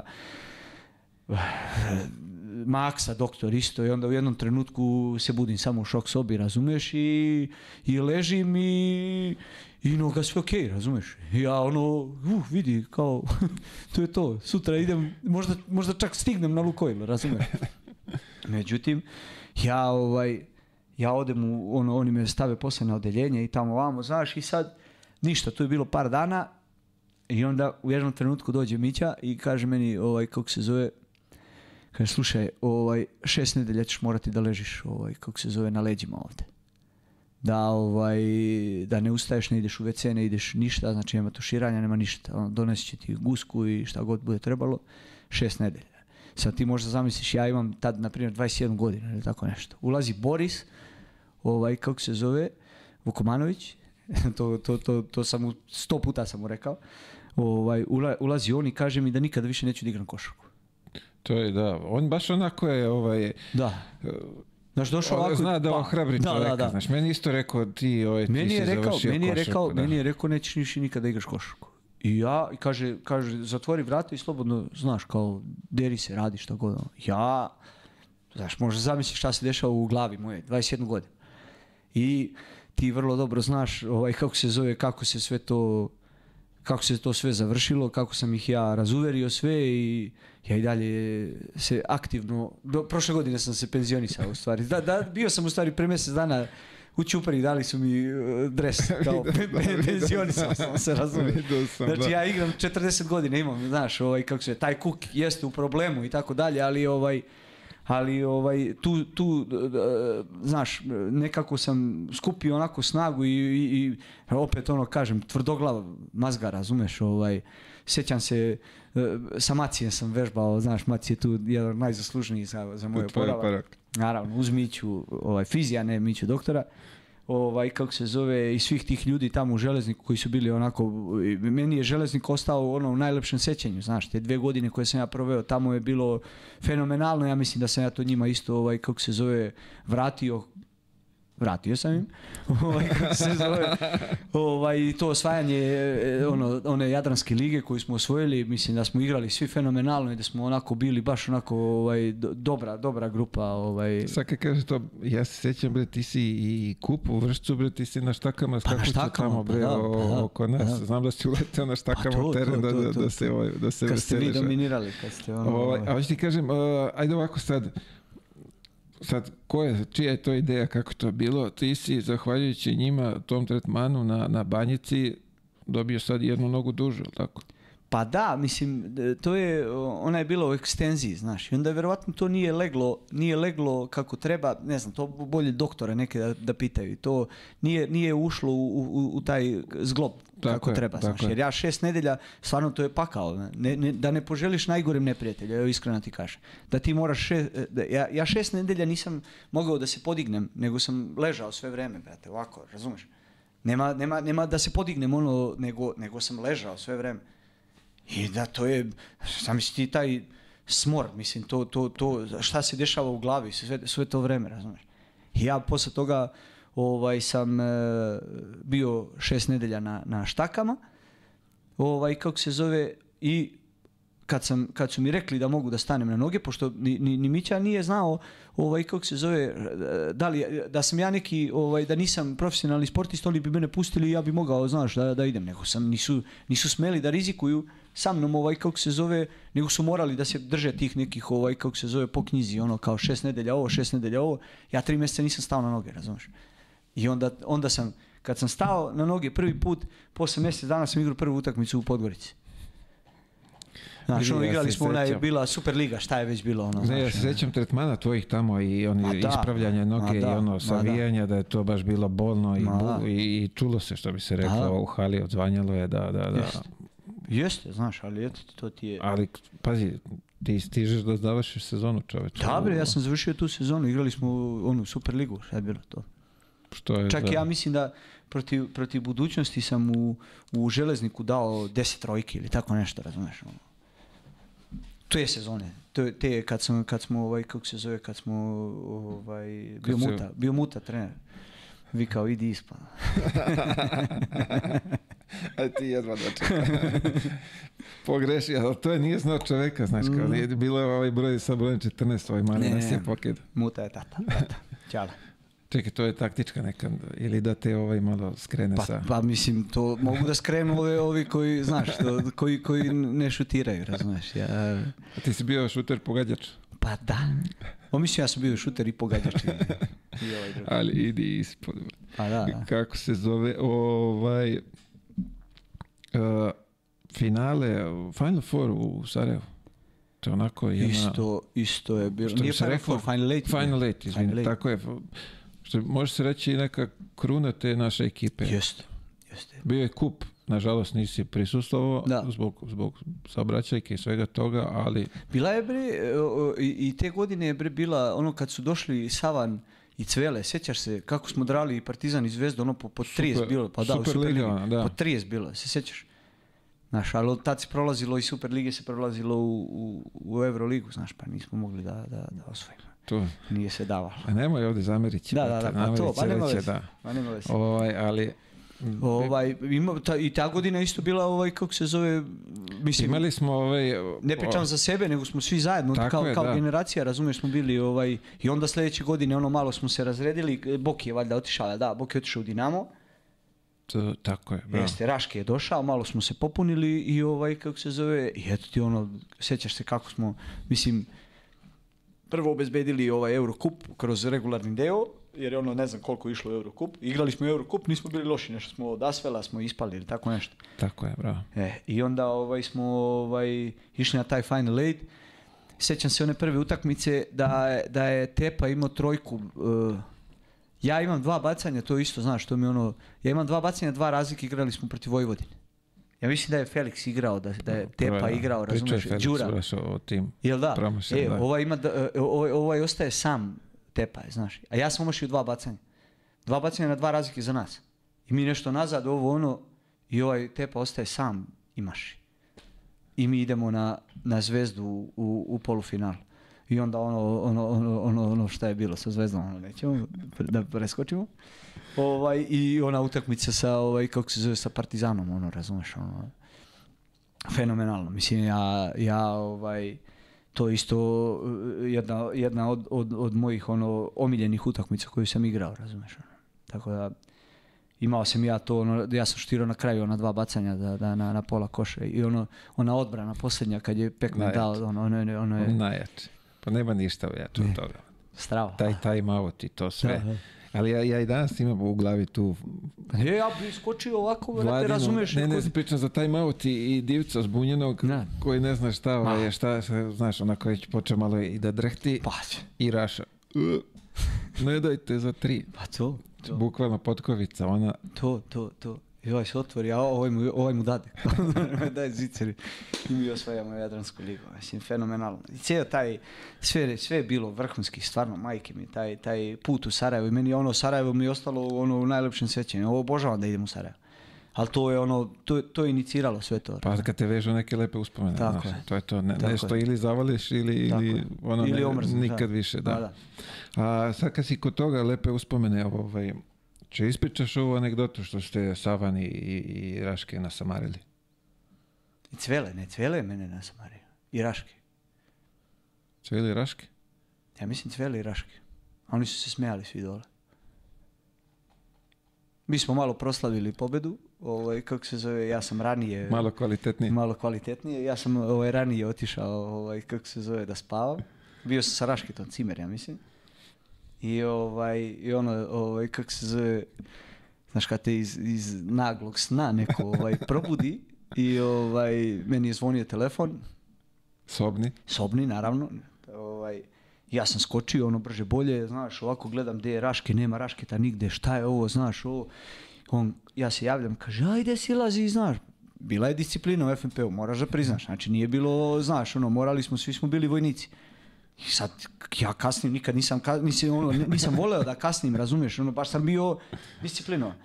I joj kaže, ajde sve, samo tebe čekamo, znaš, ono, i ja uzmem i trpam one stvari, i, i rašketove, i svoje, i ono dve torbe, one nosim velike, one krmače, razumeš, i ono, silazim dole, ono, lift, ono, jedva izlazim iz lifta, ovako, a oni, oni indijanci stoje onda na, na, na recepciji i upišaše se od smeha, brate, razumeš, to je... Vi ste tek vratili iz grada. Ma da, brate, jako, Znači, baš sam ispao, ali dobro, ne boj se. A dobro, i Kad sad, je, kad je lepa atmosfera, onda te sve prolazi. vidiš razumeš, kako nema biste sad sećali toga da, da, Da, ovaj, da, da, nije... ali je vrhunska fora bila.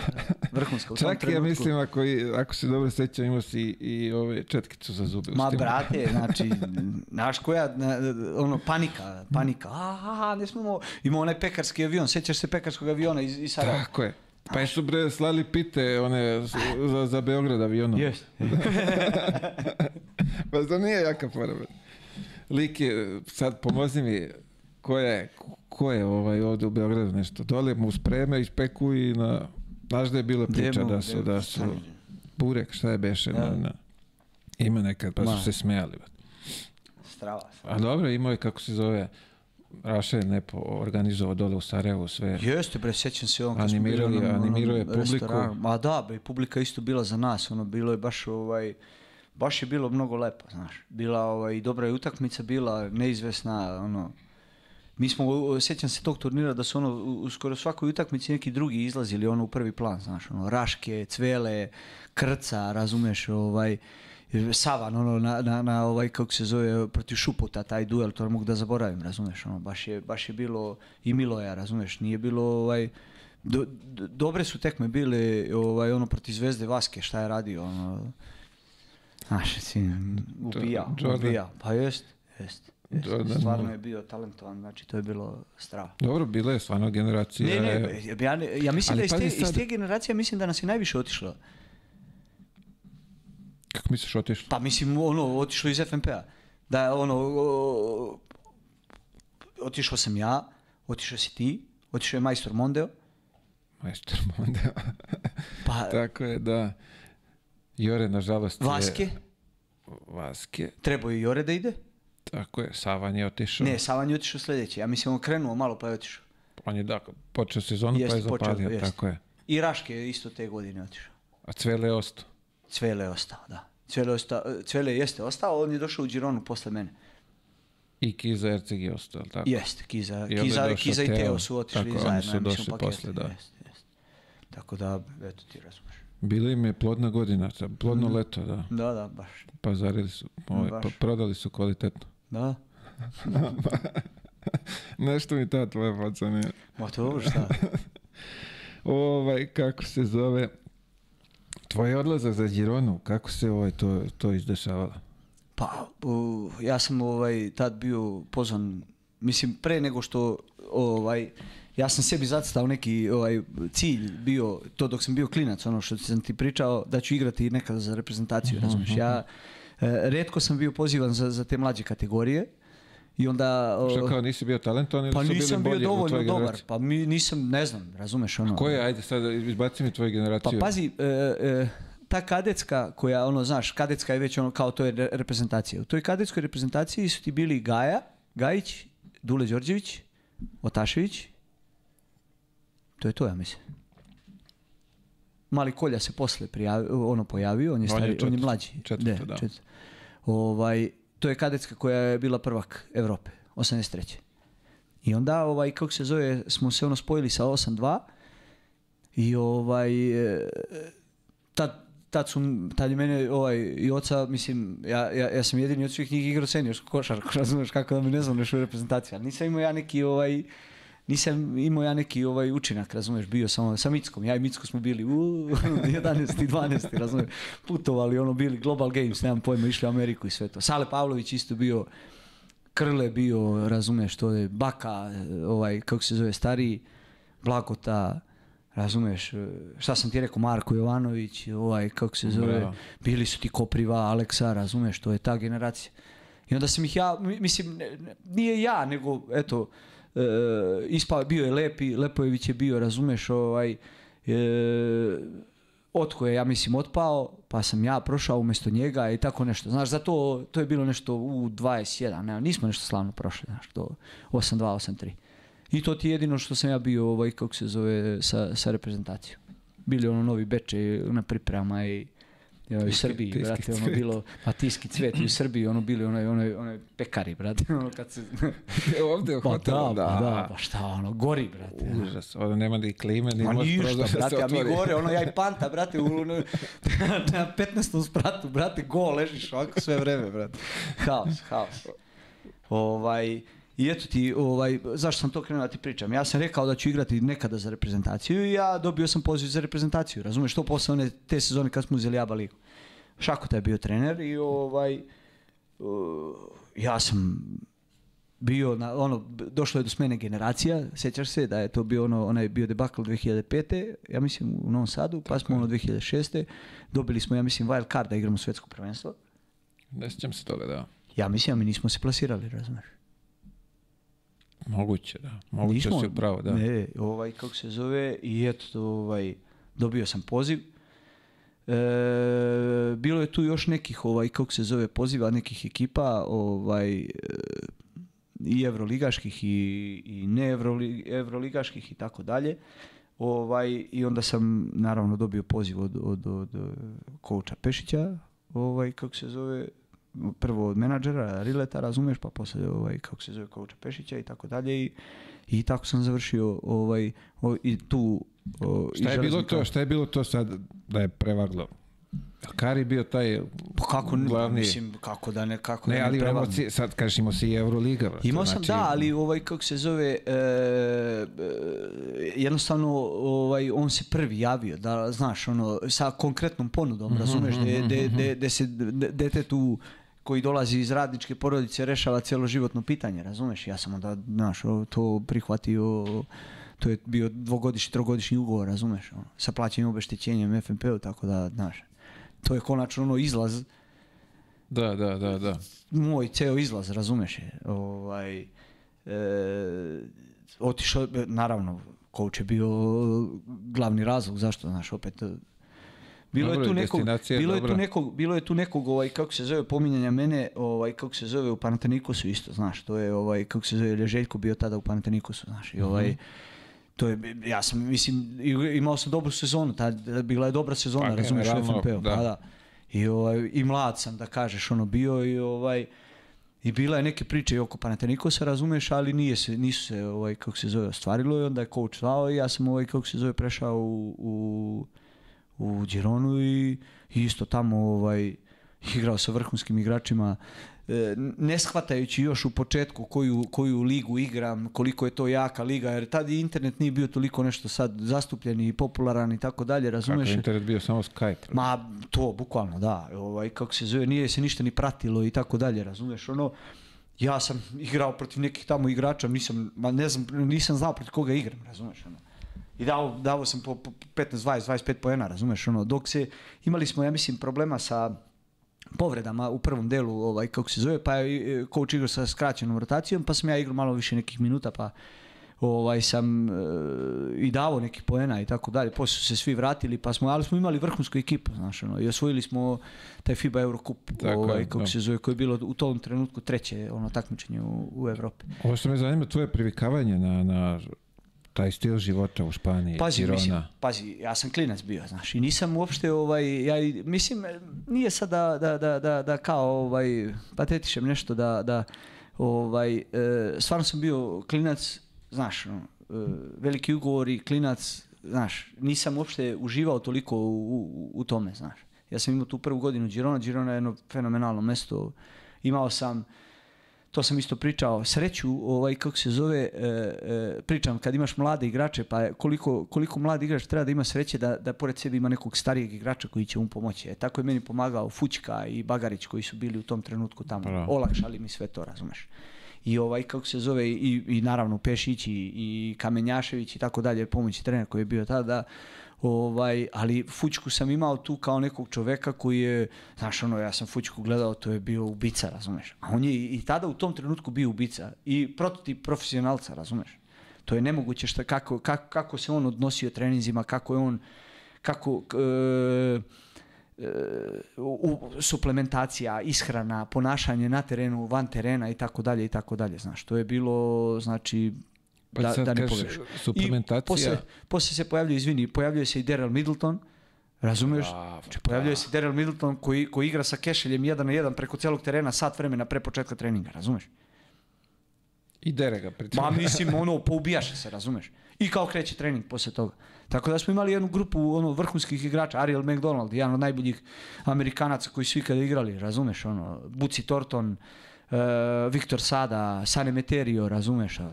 I na kraju Gasol, Skalmar mali. Gasol, razumeš? Koji ono, tek dobija, počinje da... koji da, tek da. ono, znaš, coach, coach mu je tu ono, i evo ti, mislim, priče, e, sada, sada mi je bio prijatelj, ovaj, Marti Artigas, koji je ovaj, scout e, Orlanda, on je tada nama bio GM, i sad smo mi, ovaj, dolazi u Čačak, ovaj, gledao je mega borac. I ja ono posle, posle utakmice, ja ga ovaj, odveo ga na, na, na večeru i to i pričamo i on mi sad priča o tom fe, fenomenu Marga Sola, znaš. Kako je on ovaj kako se zove došao došao u ovaj e, kada je odlazio iz Girone on, je- on je on je otišao pravo u NBA znaš. Ne, zar nije bio Barsi? Ne, on je bio u Barsi prvo, pa je bio Girona dve godine, pa je otišao bio MVP ACB lige, one druge godine, ne, Ok. ne, ne sa Pešićem, nego sa onim Pedro Martinezom. Ok. Ovaj, on je otišao u NBA i rekao svima da će se vratiti nekada, ovaj, kako se zove, u Gironu i da će napraviti sve da to bude, znaš, ovaj, i oni su smejali, ha, ha, ha, kao Marga Sol, ono, znaš, kao, osvojio prste, nemam pojma, tamo, ono, naj, jedan od najboljih centara na svetu i to sve. I on video si šta je uradio. I ja to objašnjam ovom, ovom, ovom tom Martiju, rekao, ne, ne mogu ja se poredim sa, sa, sa Gasolom, razumeš, ali sam ja nešto slično uradio. Ja sam se vratio, sam mogao sam da idem da igram po Rumuniji, ne znam, ono, Mađarska i tako dalje, još ono. Ajde malo još dok sam u nekoj, nekoj da kažeš snazi, ajde da probamo da, da, da napravimo nešto od ovog borca, razumeš, jer ima potencijala, razumeš. I tako se, tako ti je, ovaj, kaže meni, ovaj, kako se zove, Marti, da je Mark prvo krenuo sa tim mlađim kategorijama, pa je posle ovaj, kako se zove, e, prešao iz e, one treće u drugu i onda se on vratio iz NBA i igrao drugu ligu. Razumeš? Zamisli koja si ti, koja si ti car, razumeš? Dođeš iz NBA-a i igraš drugu ligu. I kad se pojavilo, kaže meni, kad se pojavilo da će biti Final Four u Gironi, kaže znao je sigurno da će da uzme ovaj kako se zove Girona. I oni ovaj osvoje taj Final Four ono njihove te one Leboro kako se Tako zove je, za ulazak. Da. za ulazak. I oni osvoje to i oni se plasiraju sad. I kaže Mark, Mark je u početku davao dosta para, razumeš, ali sada sada uh, Mark sve više sve uh, uh, manje se znaš ovaj on ovaj pokušava da se da, da, da ne daje toliko para da dolaze više sponzora i tako dalje to je ono hoće da, da postavi ono što je rekao je ispunio, razumeš? Tako je. da neverovatan posao sad radi, razumeš? Ti do- dovedeš Aita da ti bude trener, razumeš? I pokupi ne- neke naše, opet da kažeš, ono, uzeo Prkačina i Duleta Miletića, pa mislim, razumeš, i, i ta dvojica igraju, igraju u ACB ligu, najjaču ligu u Evropi, razumeš? Znači igraju, mora da... igraju dobro. Pa to ti Ne pričam. onda da dobijaju na, na, na, Upravo to na, ti na kažem. A, kod nas nisu, Nisu znaš, mogli, nisu bili talentovani, that's verovatno. what i I'm talking about, bro. To, to, nisu, nisu bili talentovani, a, nisu bili čvrsti, nisu, i kod nas uvijek imaš nešto da nađeš razlog zašto ne može da igra. A može da ode u Gironu i da igra tamo protiv Reala i Barce Jest. i da ih trpa po 10, 15, 20, a ovde ne može. E, to, to, to, to mi ide stvarno na, on, na onu stvar. Havarija. A vidio, poznavajući tebe, ti si to isto pričao dok si igrao basket da će se vratiš jednog dana u Čačak i da Pa to, ovaj... to ti pričam, ja Samo razumem. sam ja očekivao tvoju ulogu malo drugačije. Ja sam mislio da ćeš ti uzmeš ceo klub pod svoje ruke i da to zaključaš i da to bude na jednom nivou ko što ga Sol sad radi tamo. Pa ovaj, kako se zove da ti ja ispričam, mislim da ti ispričam. Ja, ovaj, rekao sam ti, ja sam e, prvo kao igrač e, sa borcem, ja i ono i Đorđe se tad isto vratio. Ovaj, prvo smo se plasirali sa borcem ABA 2. Znaš, Rale je bio trener, Rale Bojić, moj veliki prijatelj. Ovaj, e, pa je bio taj ABA 2 gde smo i mi isto bili prvi, razumeš? Ja sam htio kao igrač da uradim isto prvo kao igrač, da im pokažem, da im dokažem i tako dalje, nebitno. Da, da sam došao, ima slika moja gde ja, ovaj, kada sam potpisao taj ugovor, kad sam se vratio, ima slika gde ja, gde ja pokazujem uh, grb borca i jaba jedan liga, razumeš? I ovaj, stvarno, mislim, ima, ima na, na, na, na, na, ovom, na Google, razumeš? Ovaj, I ja desio se ta krka, taj malo neki, e, s- nesrećne okolnosti neke da nas je ovaj mali Ilija Đoković se povredi i tako dalje 7 dana pred početak i nismo imali nešto puno bekova i desi se taj Final Four u Čačku i mi nismo uspjeli da se plasiramo ovaj, u ABA 1 ligu. Ovaj, meni je to bilo ono, očajan sam bio, stvarno mi je bilo mnogo krivo i tako dalje. Sljedeće godine smo promenili su trenera, ovaj, kako se zove, došao je Joca Arsić da bude trener. Mi smo se isto plasirali, ali je tad bila Primorska ono prejaka baš, ovaj, kako se zove, i oni su se plasirali. Mi smo izgubili od Primorske u polufinalu i onda smo, ovaj, kako se zove, ja sam e, sljedeće godine postao trener i kao trener sam ipak uspeo da, da, da učinim to što sam zamislio, razumeš, opet, kapiraš. I onda ovaj, sam postao trener. Mada ja, to svi znaju i to ne- ne- nebitno je, ja sam radio u, u, u borcu i to, ovaj, kako se zove, e, sa velikim zadovoljstvom sam se bavio sa milion stvari, ne samo trenerskim poslom, tako da, ovaj, tako da... Zato sam ti pitao na početku koliko je komplikovano za borac obezbediti sredstva i napraviti e, ekipu koja može da se Pa. nosi sa, sa svim Pa. ekipama u ABA ligi. Ti Pošto moraš- si bio uključen u to uz, i sve znaš to koje znaš, su muke. ono, pa da, muke, da tražiš te neke igrače, pošto stvarno mislim, ti sad, e, kad staviš, kad postaviš Partizan, Zvezdu, e, ovaj, kako se zove, FNP i Megu, razumeš, E, mi smo stvarno peti klub. I, i, i baš je, to mi je krivo, ali opet, možda smo i mi krivi negde, ovaj, donekle, razumeš, bili za to, i, ili smo sad krivi. Zašto mi nekako ne privlačimo te, tu decu da dođu kod nas, znaš? Moramo više da se potrudimo, da ih, da ih, da ih privolimo da, da, da dođu. Ok, mi imamo stvarno e, infrastrukturu, imamo 24 sata, 24-7 imamo salu, teretanu, taj neki deo za oporavak i tako dalje, razumeš, to je, e, čačak je mali, ovaj, e, deca mogu tu da budu na okupu i tako dalje, ali to su te neke stvari koje te, znaš, ono železnik, sjećaš se kako je bilo u železniku, ono, svi su bili u hotelu, onda živjeli smo, razumeš, jeli u istom restoranu, to su te neke bitne stvari koje treba za, za razvoj tih mladih igrača, mi ne možemo da se takmičimo, mi nismo Partizan i Zvezda, razumeš? A i oni ne trebaju svi da srljaju Partizan i Zvezdu. Pa to je znam, kroz pa, ali- priču ali ovdje mi ti opet- pokušavamo da im Jasno. dočaramo, nemojte tamo, To ti ja izgubit ćete, nestaćete. Ja. Jer tamo ima mnogo kvalitetnih momaka ja koji su možda u ovom momentu bolji od vas. To ti ja pričam. Otićete u bunari, nema vas posle. Idite u manje sredine i Pa u napravite manje sredine, karijeru. pa, ali nekako, nekako sad ispada, znaš, to je ono što sam ja tebi malo prepričao, nekako ispada da, da ovi, ovaj, kako se zove, e, Ameri brže shvate nego, nego ovi naši, razumeš? Da, da, da, da, da su, znaš, ovaj Hunter je došao, čovjek ima ne, neverovatnu e, radnu etiku, ti to nisi video. A to je bolesna ruka, to nije ruka, to je, to je, ti to ne možeš da veruješ, ono, znaš. Može da koš iz deset načina, razumeš? Taj Bryce Jones, ono, znam, mi ga, našli ga u Ulcinju, ono, brate, mislim, pazi, brate. Ajmo Da, se sećam se, da, sećam se kad si rekao iz Ulcinja. Znaš. I na, to su, ali oni su vidjeli tu, razumeš, shvatili, ej, ja sam ovdje, ovo mi je odskočna daska, razumeš. E sad to, to mi isto treba da uradimo sa ostalima nekim klincima, razumeš, i tako dalje. Boriš se sa Megom i FNP-om, razumeš, gdje su oni isto timovi koji razigravaju te mlade igrače i tako dalje.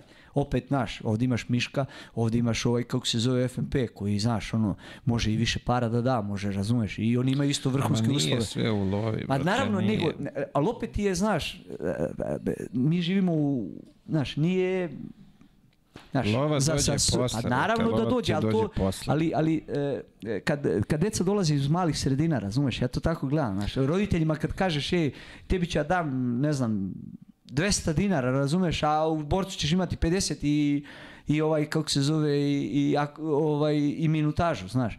On taj roditelj će da dođe i da kaže ako je neki, a ima ih sad sve više koji vide u, u, u svojoj deci nešto što oni nisu nikada mogli da, da urade, razumeš, on će opet da, da uzme kao evo ti, da ću, znaš, 200 dinara kao... Daj 200 sad 200, bolje. 200, znaš, bolje sad 200 nego, znaš, ono posle ko zna kad će biti, razumeš. Havarija. E, to je, znaš, Ja, pa s tim se mi borimo ovdje, bar, bar ja trudim se da se s tim Pa ja- izborimo kroz ovu priču, da im malo skrenemo pažnju, da nije sve u Beogradu, da treba negdje da se potraži. Znaš, evo, Ovaj. mislim, ja, ja opet pričam, eto, moj, moj primjer, razumeš, znači, moj primjer, ja sam e, e, došao do te neke reprezentacije, e, osvojio Eurocup, osvojio FIBA Eurocup, osvojio Jadransku ligu, razumeš, i imao sam put koji nikada ne bih zamenio, razumeš, ja sam igrao to, pričao sam malo pre ono na početku, znači, igrao sam sa 17 godina, ozbiljno igrao prvu ligu, pa sam tri godine igrao drugu ligu, razumeš? I te tri godine, šta sam ja naučio u drugoj ligi? Pa ti misliš da, da, da, da se to uči jel, na Euroliga utakmicama? Jesi ti lud? Igramo u Prokuplju, ide, ide flaša rakije, ono, znaš, onaj ti da, e, jebe kevu, razumeš, oni tamo nemaju pojma, razumeš šta je, brate. Pljunete ono i, i ti nastavljaš da igraš, brate. Znaš, a to se ne uči, to Ne, ti je... Pa, ne to, tražiš da se prazni hala. Šta je, sad ćeš da opet isprazniš halu. a? Igraš sa Žućom Mitićem i sa Rikom tamo, ono, znaš, žućate, žu- žućate na podbacivanju, ono, kao baci loptu pa te kao laktom te, ono, razbije ti pičku ovde sve, razumeš, mislim, to ti je to. Nije ni počelo. A to ti je to, brate, to ti je to. To ti je to. Nema to, razumeš, mislim. To, da, da, to U svo dužno, znaš, e, poštovanje, ja mislim, poštovanje, u svoje, idu nove generacije i ne treba se, znaš, ono, vraćati unazad i pričati, znaš, treba e, se, ne, ne, ne, nego uopšte. treba ići, znaš, treba malo ući u tu decu, znaš, malo više pričati sa njima, objašnjavati im šta, kako, razumeš, Pa, ne pa samo... sad ja ne znam da li više objašnjavati deci ili tim roditeljima Pa- i menadžerima njihovim, znaš. To je isto, to je... To je tu- ciklus, tu znaš, si to ti, je, na to, ti je, to ti je sve, razumeš, ti moraš da budeš non stop, lepo je coach držao ono predavanje, sa svima moraš da budeš dobar. Znaš, nema ono, znaš, e, Pešić je imao ovaj, predavanje, bio ovaj, skoro, pa je pričao, moraš da budeš i sa agentom, i sa roditeljima, i sa svima. Znaš, moraš i sa predsjednikom kluba da ga okreneš posle utakmice i to sve, znaš. To ti je to, to ti je tvoj posao sad, razumeš? Da, da, tu si. Nema, nema ono, znaš, sad, prošla su ono vremena, onaj tamo kao, e, kao, briga me za tebe, znaš, kao, ma šta ti, kao, ti, ja, ja se ovdje pitam, znaš, ono, ne, brate, ne, pi- pitaš se ti, ali opet moraš i da dobiješ saglasnost i jednog roditelja i ovog, kako se zove, i menadžera i tako dalje. Ja sam za to, trudim se, pričamo, pričat ćemo, ljudi, ne trčite svi za Beograd, ima Pa. još sredina gdje može, evo, Subotica radi dobar posao, Odlično. Užice Odlično. radi dobro, Zlativo radi vrhunski posao. Znači nije sve u, u Beogradu, u krugu dvojke, Tako može je. to malo da se, da se Tako raširi. je. Uh, Fučko si spomenuo, kad si rekao suplemente, čovjek uvijek bio kosti, koža. Nije, a 100 sad- kila, znaš, 100 kila cijelu karijeru. 100 kila. Pričao si mi još ono, seća se od pre da je to profesionalac. To nisi video, razumeš. Svaki dan isto jede, razumeš. Rutiner, ono, znaš, svaki dan isto sve, znaš. I to ti je to, znaš, to, to, to sam pričao sa Bjelicom isto za, za ovoga, kako se zove, za, za Stef Karija i to, znaš, ono, brate, to ti je to, brate. Onaj JJ Redick pre neki dan je nešto, ovaj, video sam neki snimak i on isto priča kao, morao sam da prestanem jer 12 godina sam živeo isto, znaš, me, kao došlo mi do ovde, znaš, ono, toliko sam i toliko ubacivo lopti, tad sam jeo, tad sam spavao, tad sam ovo, tad sam ono, i naravno da ćeš, pa ne, u, e, e, svako može da uspe, razumeš, samo da li si ti spreman, razumeš, da li si mentalno spreman da, da, da, da sve to izdržiš, Da to je, podneseš pa da žrtvu. podnese žrtvu, to ti je to, razumeš. Ja, Pogotovo prosto- na tom ozbiljnom na tom, nivou. To je ozbiljan nivo. Pa nije, znaš, ono, sad ajde ja se opet vraćam, ovaj, kako se zove, šutira, ovaj, Stef Curry, to, pa čovječe, on, on je isto, on ima metar 90, razumeš, ne? Znači, on je isto od krvi i mesa, brate. Kako je on toliko dominantan, to je pitanje. Pa kako, brate, pa on šutira po ceo dan, brate. Kako, dribla onu loptu ko ludak, ide u teretanu.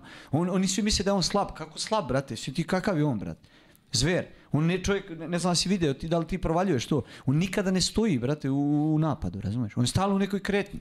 Stalno u nekoj, doda loptu pa ide u kretnju, pa mu ovi pravi blokadu, pa on napravi blokadu, pa izađe pa šutne i tako dalje i tako dalje.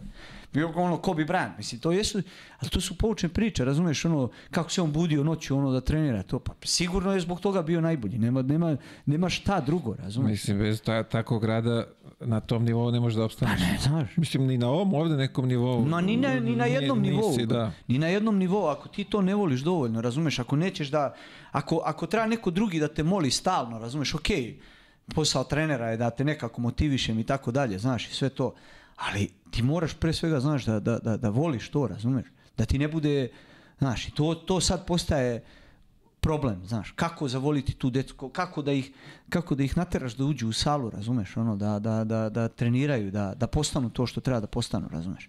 Jer talena to, sve se, sve se pojavi to u, trenu, u trenutku bljesne, ali ti ako ne nastaviš, ako se zadovoljiš, ti nemaš, ne, osuđen si na propast, razumeš, da nema šanse.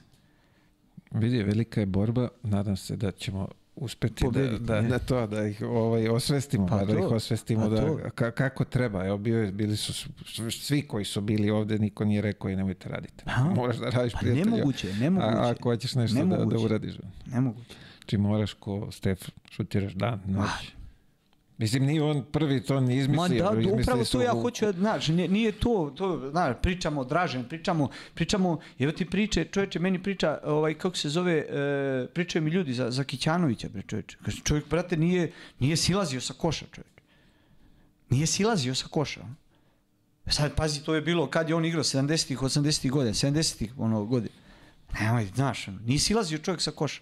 Šutira dok mu ne otpadne ruka, razumeš? To, To ti me je... podsjetilo sad Koljević. Kad Pa je da, došao. pa eto, mislim... koji je ono manijak bio za rad. je, šta On je šutirao, slomio, pukla mu kost u šaci i on je nastavio dalje da šutira. Spavao sa loptom, on išao sve vreme sa loptom.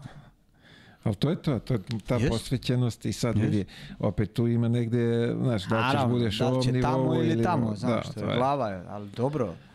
E, ti hvataš i Kešelja dole, vi ste zajedno došli u Gironi ili onda Jesmo, što- jesmo, jesmo, jesmo. Mislim, prilago, prilagođavanje ti je bilo ono, lako. Ma okej, ma da. Znaš, si i imao Karija sam i ko je još bio od Bagarić? Bagarić, Bagarić, Bagarić, ba. je bio Fučka, ovaj, kako se zove, Dejan Kamenjašević je bio, ovaj, kako se zove, to je to, ja mislim. Coach, to je to. Znaš, ja Keša, ono, Keša mlad, mislim, ja sam bio mlad, ali on je bio mlad.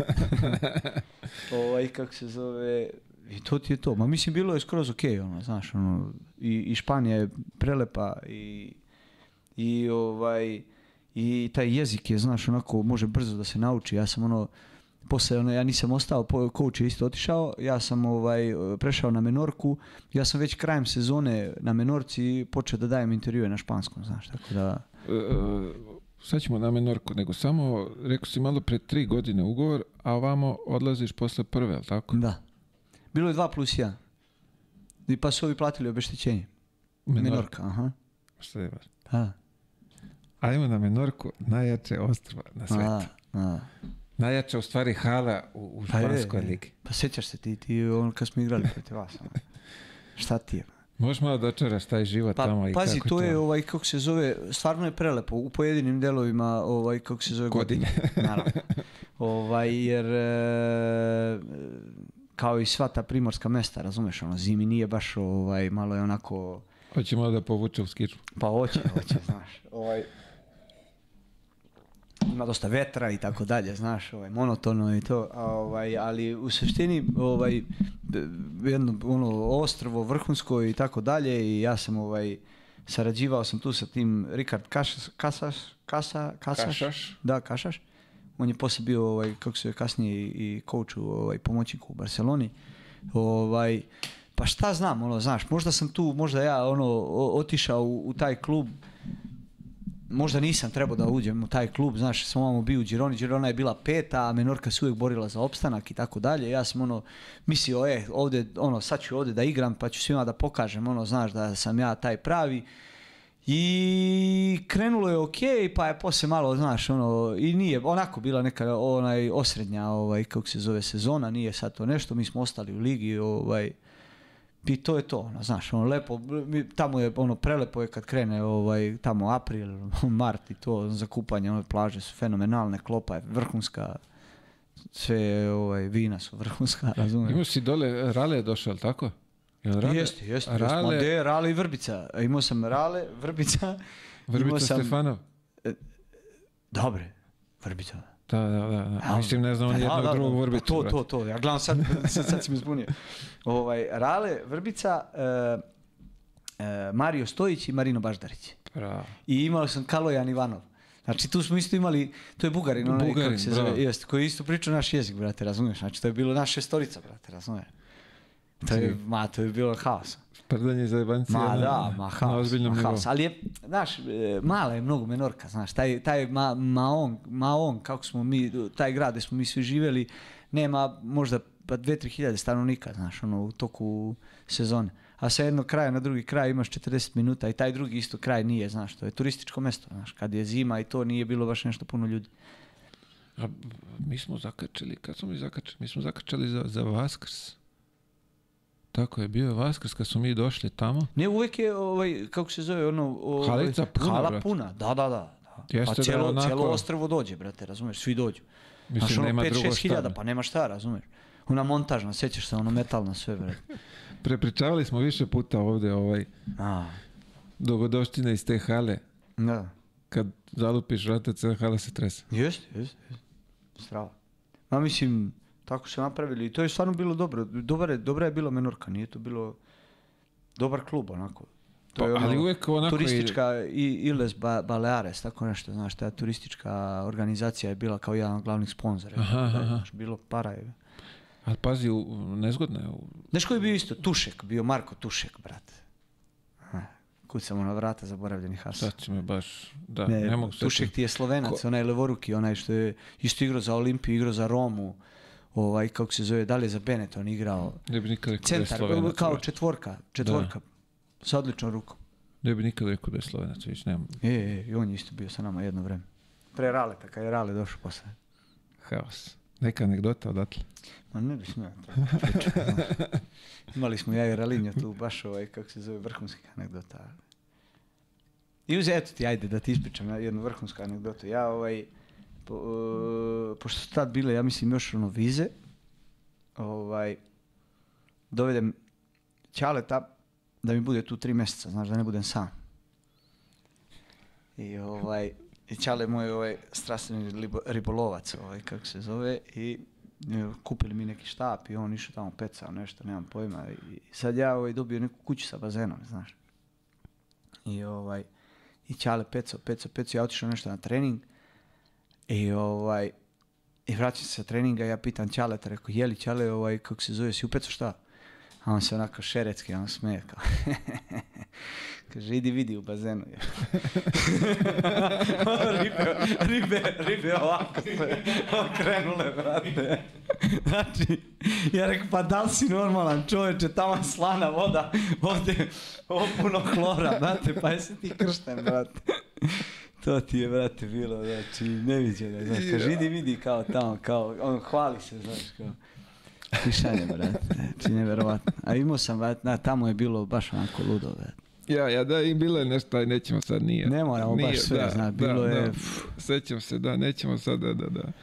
A, majko Mila, viš, nisam znao za ovo. Strava, strava, to je baš bilo. Basenos.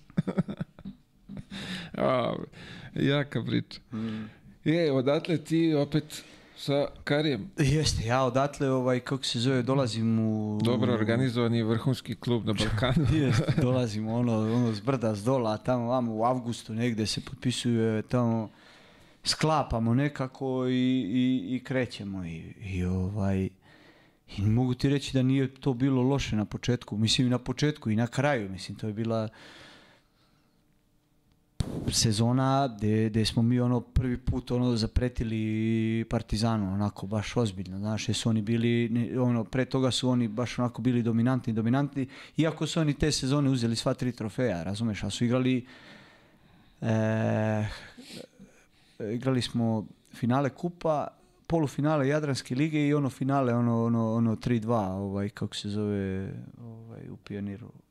Znaš, bila je mi smo ih dobili, ono, sjećam se te prve utakmice kad smo ih dobili, oni su bili ovaj, domaćini pa smo ih dobili, ono, ne, ne znam, Zvezda nije dobila tipa 5-6 godina, ono, i mi, ono, prva utakmica, mi krenuli sa 6-7-0. Bila dobra tada ovaj, ABA liga, igrali su, Cibona imala ovaj, onog rol maršala i onog, onog, onog, onog playa, onog što igrao, ja mislim tamo u Sevilji sa tobom. Kako se zvao onaj mali play, brate? Koji bre? Ne mogu ga se setim sad. Ali jedan mali crni play, dobar, dobar baš. On je bio tad u Ciboni. Nebitan, nebitan. Ovaj, ali su bile dobre ekipe, nije bilo, bila Olimpija dobra, razumeš, ovaj, budućnost, ono, standardno i to. Ovaj, Partizan, ono, standardno dobar i to sve. Dobro smo, mislim, dobro. Falilo nam je stalno te sreće malo, nama se, ovaj, kako se zove, e, ja sam imao, kao da kažeš, tešku povredu. Tadija je sve vrijeme vukao tešku povredu i Roberts nam se, Znači imao dve teške povrede u, u toku sezone, razumeš? ono. I Ovens imao neke povrede, razumeš? Baš je, baš je bilo onako e, e, e, cele godine neki maleri su nas pratili, razumeš, nikako nismo bili kompletni, ono, stalno. Tek smo nešto pred kraj, ono, kad je bilo to finalna serija, ta bili, ovaj, kako se zove, kompletni. I Roberts, ono, sledeće godine potpiše za Partizan, nije se, nije se nakašljao, majko, mila, razumeš. I oni, ono, su se plasirali na, na, na Final, Final Four i sve, da. razumeš, ali... Krivo mi je što nismo te godine osvojili ništa, jer smo možda mogli malo, znaš, nešto da, da, da ovaj, kako se zove, da osvojimo, ali šta je tu je, ono, me, Vidi, s obzirom kako je isti- sezona krenula, Ti- ono a, je beše sa ej. tri igrača, tako. A, ti, ti ne možeš da shvatiš ovaj, kako se zove, mislim, iz te sezone su izašli, iz te ekipe su izašli bre, znaš, ono, i Bjelica, i Štimara, i Kešelj, znaš, ono, ozbiljni igrači, znaš, nije to bilo za jebancije. To su igrači koji su igrali na vrhunskom nivou, znaš. Znaš, i taj Roberts je ga, znaš, nije on loš, loš igrač. Zahvalan. Bio, da. I onaj Andre Ovens što je bio, što ga je doveo coach isto, onaj bek neki. Tako je, da, sećam se njega. Jesi ti bio bre tad sa nama, bre? Ti si još nešto pre kraja, da. Tad kad mi To, ovaj, to. kad mi je To, ovaj to. svemoćni doktor To. rekao da mogu da zaboravim na Bio je i košarku. Steven Marković bio i Oliver Stević. Ja, da, ja bio bre, beše i Milošević. Jeste bre Minja bio, da, Minja. Minja i, Ki- i, Minja, Kikan bre, i Kikan I je bio. Kikan, i Jeste. Minja, Jel? bravo. E, Da, Mhm. Svi su nekog ćemo zaboraviti sigurno, Pa ne, ali Baka da. je bio, Baka. Baka, Baka, i. Mirko bre, Mire, Mire je bio. Mirkovac, da. Mire. Ne znam da ne zaboravimo nekog. A bili ovi klinci, ovi novi, ovi Neda i, i Gagara i to. Neda Gagara i Šepa. Šepa, legendica, pa da, to je taj kralj. Ne? I bili su onaj mali Laki Radosavljević i ko je bio ono, Rondović, ja mislim, tako nešto. Da ne preskočimo nekog. Mislim da smo ih sve napravili. Sve smo nabrali, verovatno. Ovaj, tu je bila ozbiljna ovaj, šega za jebancija. Pa jeste. Kad je nema bila. para, nema para, onda se dobro sam zajebao. e, Razumeš? ono. Mislim, nema para, ono, ja se sjećam, nije, nije bila baš nešto idealna situacija, ali ovaj, e, e, tadašnji e, predsjednik je bio, Ovaj kafa, što je držao kafa, tako? Ili onaj... da, da, da ja ne budem, znaš, ono, ne mogu sad da se sjetim, ali ovaj, kao ozbiljan jedan čovjek, ovaj, kako se i bio je tu, zna sve vreme i ovaj, krivo mi je što to nije potrajalo još, znaš, što mi nismo nastavili da to bude ista ta ekipa i sljedeće godine i tako dalje, znaš, nego smo se, ovaj, e, otišao je svako na svoju stranu, ja sam otišao u Valenciju, razumeš, ovo ne znam, Steven gdje je otišao, ostali su Keša i Bijelica, ono, znaš, ja mislim, to, ono, sljedeće godine i to. Keša bila št- štimara. I jest, i Kikan je ostao, Da. i Kikan je ostao ono kad mu Mislim, je Štimara, kad se ga je, nešto tu, kad da. ga je Štimara namestio da, da, da popije onaj kreativ, pa je ovaj pauzirao dve godine ili godinu dana. Ne, Ma zajebam se, ne znam, to je mo- možda priča, ono, neki, pa znaš da je Kikan pauzirao, imao je onaj, zbog dopinga. pa ja Ne znaš, da. Kikan imao doping, ono, pa ga je Steva uzeo tamo u Krasnojarsko, ono, godinu dana nešto pauzirao ili devet mjeseci nešto. Finalna neka serija bila Partizan Zvezda i oni ga izvukli ga tamo i on valjda dali neki kreativ, nešto, neku glupost, ono, znaš, ono kao ma uzmi, znaš kako ono prodaju onim, ovaj, kako se zove, menzama, kao, kao uzmi bre, ma to ti ono, znaš, puca samo, ima te digne, znaš, i on verovatno uzeo i Časno. ma godinu dana je bio ima, za glavu. Ne mogu se setim, ne mogu. Je, je, je, da, da, da, godinicu. Godinicu, ja mislim. Lagana priča. A, I ovdje te, kako se zove, tad ja te proslavio jednom pričom za, za, za, za scouting negdje Ma, u Pioniru i ma. daljinski za klimu. Ma, ma strava, strava, strava. A dobra je priča. E, jeste. E, moguće da si držao svo vrijeme daljinske klime, a da nisi teo da upadaš. Bio sam đavo, znaš. U prostoriji da ima 40 ma da, ma da, gore ono, brate, ma. Mislim, e, ovaj, kako se zove, legendarni su ti sastanci, znaš. Da. Pogotovo sa coachom, znaš. Da. Ovaj, uvek se ide do detalja. Ali vidi, taj jedan detalj se vraća i po tri, po, po zna je, pa puta da se vrati. Mi smo lepili, u, ono zvezda je bila padla, izlepili bre daljinski, ostali mu samo tri dugmeta Da. koja može da pritisne, da Da. ne bi Da. ono kad zajebe, Jeste, mora vraćaš, jeste. Tako je, sad moraš. Nema, nema ko, ko sad. Ne bih bio u koži onih koji su tada bili, brate, onaj, kako se zove, Kotarac i Oliver, ono su bili ovi pomoćnici. A nemaš ovaj, kako se zove, nemaš e, Mac, nemaš e, programe, nemaš ovo, nemaš ono, ma idi. VHS ima Ma, taj. Možda je tad bio CD, ne znam. Mo, moguće. Bio CD, Jest, da, bio. CD, ali opet... Ali isto, brate. Da, ako, ako ga zajebe, ćao. Havarija. Dobro, s njima Da. uvijek ima neki anegdota. A, Ovaj, a, kako se zove. E, Bjelica tad, otkrovljenje, Jeste, on došao tamo ono od, od onih e, Austrijanaca, ovaj, kako se zove, e, gdje je bio tamo na Arkadije ili tako nešto, to je isto bilo, znaš, ono, neverovatno. Od, od, kad je došao, igrao četvorku, peticu, razumeš, završio on na kjecu, e, Steven na dvojci, ja na trojici.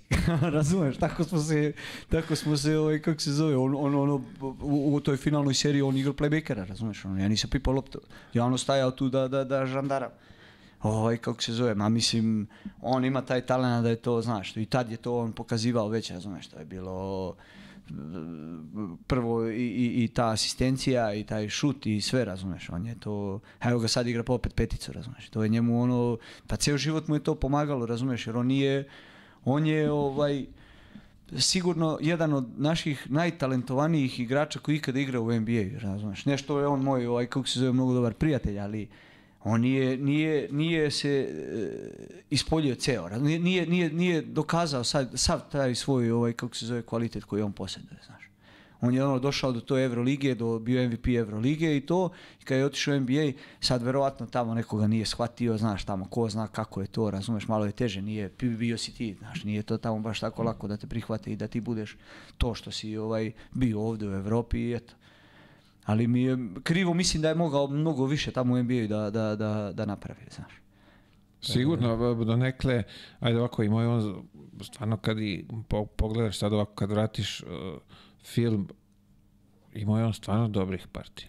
Ma, ej, pazi, ja ti kažem, ja sam gledao bre finale, znaš.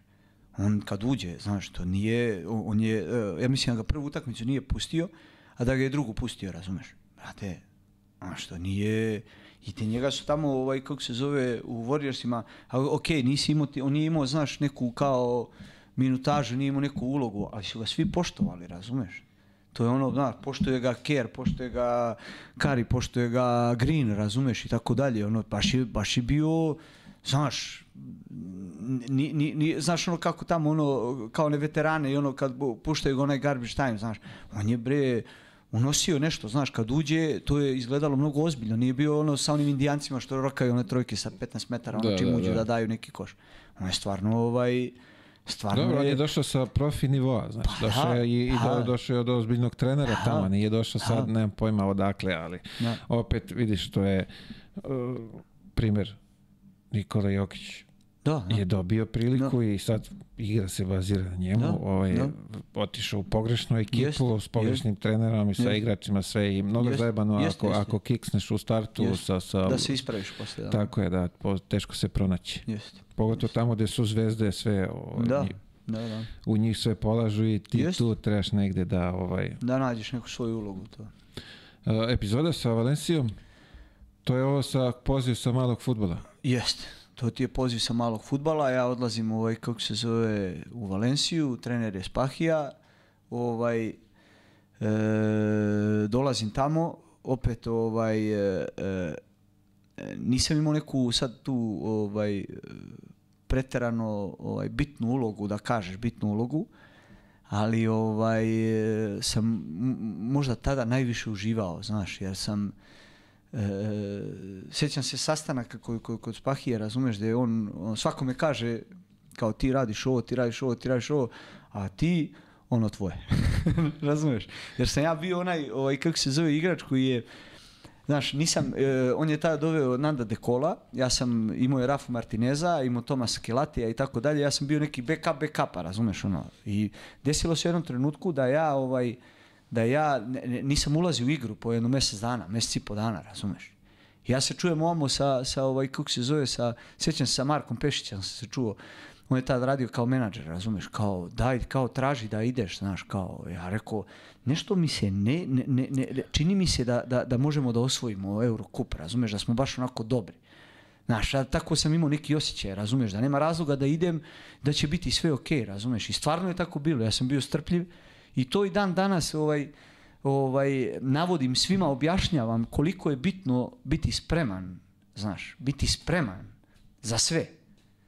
Znaš, to je mnogo teško. Kad napraviš tako neku ekipu, grupu, neku ljudi da, da budu spremni da... Ja sam imao utakmicu, na primjer, u Valenciji. Igrali smo protiv Bilbao u Bilbao. E, ja sam sedeo na klupi cijelu utakmicu. I oni su nešto krenuli da vode na kraju ovo ono, razumeš, i dva minuta do kraja. Kaže, ajde. I ja, brate, ono, skočim i dotrčim. Znaš, i on izmeno, izmeno, ja izađem, ja znaš, ono, i on me stavi me tamo negdje u neki ćošak, ono. I sad, lomi se utakmica, tamo imamo ovo, dva razlike za njih, mi napad, i ovaj dekolo nešto probija, ovaj ono pomaže iz kornera sa prvog pasa, on meni pas, brate, ja ovako, bući. Dva razlike za njih bilo, ja dajem trojku, pola koša za nas. Sedam na klupu. Neviđenja, prijatno. Kao igrajte odbranu, ono, menja me odmah, on ubacuje nekog odbranbenog tamo, mi dobijamo utakmicu. Ja sam svoj posao A završio. te, to ti je, ja sam bio spreman, razumeš? Desilo se isto, on mi je to pričao stalno, znaš. On kaže, ja se okrenem ovako i vidim na klupi i u, u, e, jedna utakmica isto bila, ja nisam ulazio ni, sekunde. Produžeci i sad imaju ono dva bacanja da se, da se šutne. Mene je izabrao da ja šutnem dva bacanja. Znaš, ovi se, ovaj imao pet faulova, ovaj imao ovo, ovaj ono, znaš, kao, ajde ti. Ja, znaš, je, pam, pam. I tako sam ulogu imao, znaš. špricer. Ne, tako sam ulogu imao u toj Valenciji, znaš. Ono, uđem, on me ubaci, ja uzmem svoje te neke šuteve, bab, bab, bab, i ovaj, kako se zove, ako ubacim, ja nastavljam da igram, ako ne ubacim, on kao, o, ja kao, doviđenja, sve je lepo, ja sam shvatio to, nema nikakvih problema. I ono, znaš, imali smo grupu, ono, grupu ekipa, e, e, grupu, ovaj, kako se zove, momaka, znači fenomenal. Ono, Matt Nielsen, Kosta je bio, razumeš da je Kosta isto igrao vrhunski. Od, na ove sve što sam ti ja pomenuo, imali smo onog Liščuka, imali smo ovog Flo, ovaj Pietrus, ovaj, kako se zove, e, Strava, Viktor Klaver, razumeš, znači dobra, dobra, dobra ekipa. I nemoj preskočiš Rafu Martinez. Rafa, da, Rafa Pitbull, da, da, moj brat. Ovaj, kako se zove, znači imali smo i ovako smo se družili, onako, s obzirom da smo bili svi, znaš, izmešani, Francuzi, Srbi, Australijanac, ovo, znaš, taj met nas je držao onako dobro. Sjećaš se Meta Nilsena? Kako da ne, Kakva, igračina, Ozbiljna- brate, šta je ono, brate, znači, ubica. Ovaj, I znaš kako, eto ti, i, i na kraju, znaš zašto mi je to ostalo u tako lepom sećanju? Ovaj, isto ti se desilo, mi igramo protiv Arisa, ovaj, kako se zove, Blat trenira Aris, ono, vrhunska ekipa, igramo četvrt finale, ovaj, kako se zove, Eurokupa. Tamo igramo u Solunu, brate, ima, ima, ima snimak, znači, ne, ne, ono, atmosfera, znaš kakva je ona, jesi bio u Solunu, u Arisu? Znači, ona mala, kad su ono bacili one konfete, ono sve, znaš, ono, belo sve, brate, belo ti utakmica, oni ono pevaju, brate, znači da se naješ. Stvarno je ono jedna od ono top 3 utakmice koje sam igrao. I o, ubaci me Spahija, ja brate sa klupe 17 poena, znaš. Pustio me, na primjer, ono, u drugoj četvrtini 8 minuta, ja dao, na primjer, 9 i ono, u, pred kraj treće četvrtine, početak četvrte, ja dao još malo i eto ti. Gotova 17. priča. I dođe utakmica protiv Arisa, ovaj, kako se zove, u, u Valenciji. Ja, brate, ovaj, kako se zove, nisam uh, ušao. Nije bilo potrebe. Pa nije, znaš, on mi tako je on procenio i ja se nisam uopšte ljutio na to, razumeš? To je teško, mnogo, razumeš, nije to, to je u prirodi čoveka, ovaj, razumeš, da se naljutiš, jebi ga, odigrao si kao ovo, ali ja nisam. I onda ti se desi, na primjer, taj Final Four koji smo mi igrali, ovog, kako se zove, Eurokupa, to se- beše igrano? U? Basko, tamo u Vitori. Aha, aha, aha, okej. I ovaj, kako se zove, nama se, povredi se eh, Nando De Colo. I sad šta će, mora mene da igra, nema ko, razumeš? Nema, nema ni jednog playmakera, samo sam ja bio playmaker. Imali smo ono polivalentne igrače, znaš, ono, Rafa malo keca, Nando kao kec dvojka, taj Kelati isto kec dvojka i ja sam tu bio. Imali smo još jednog španca, nekog klinca, razumeš? Ali nije on bio taj nivo. I mi, brate, razumeš, on mene ubaci, ja mora da igram, razumeš, nije imao ko. I ja, brate, sjećam se, ovaj, ja mislim da smo igrali 7 dana pre toga, Jesi ti tada otišao iz Sevilje ili nisi? Bio Savan, jesi igrao sa Savanom ti u Sevilji? Jesam, da, ne znam kad smo se uvatili. Jesmo igrali u Valenciji utakmicu kad je igrao Kuk, jel, ili nije igrao Kuk za vas? Ne, to je bila Malaka. Ne, ne, ne, ne. Nije, nije, nije. Vi ste, Greška. e, ne, ne, ne, to je sljedeća godina. Greška, Ja sam greška, otišao. greška, da. Ovaj, kako se zove, mi smo igrali neku utakmicu, on je mene pustio, to je sedam dana, on se, čovjek se povredio, znači, sedam dana pred početak Final Four. I, I tu utakmicu za taj vikend sam ja morao da igram. Ja, ono, on me pustio, ja dao 20 pojena, razumiješ? I sad kreće ovo Final Four, oni ono oporavljaju Nanda i tako dalje, znaš ono. I sad ti, brate, e, isto se dešava. Ja igrali smo protiv e, Panilioniosa ili Panioniosa, nisam siguran, polufinale. Igramo i on me ubaci, brate, ja ono, dange, dange, dange. Ne, ne znam, 11 poena za, za, za, za 13 minuta. Ja na klupu, mi ono dobili 20 razlike, sve top. Nemo, igramo finale protiv Albe, ovaj kako se zove, ja ovaj isto, on me ovaj, a, a ovamo Luka Pavićević, a, a, a Luka me je hteo prethodnu godinu, ovaj kako se zove, imali smo neki razgovor i nije me uzeo, razumeš? I mi ovaj kako se zove, odigramo utakmicu, ono dobijemo ih 25 razlike. Ja isto tako ušao, bangi, bangi, bangi. Ja dao 12 poena, Kosta ti dao 17 i nas dvojica smo ti bili najefikasniji u, u ekipi. I mi smo ti osvojili Eurokup. Razumeš, bili prvaci Eurokupa. I eto ti raš, ali sam ja bio, hoću ja ti kažem, da sam bio spreman da, znaš, ono, nisam igrao, igrao, pre, e, ima, ima statistika, imao, na primjer, 12 minuta po utakmici imao 8 poena, razumeš?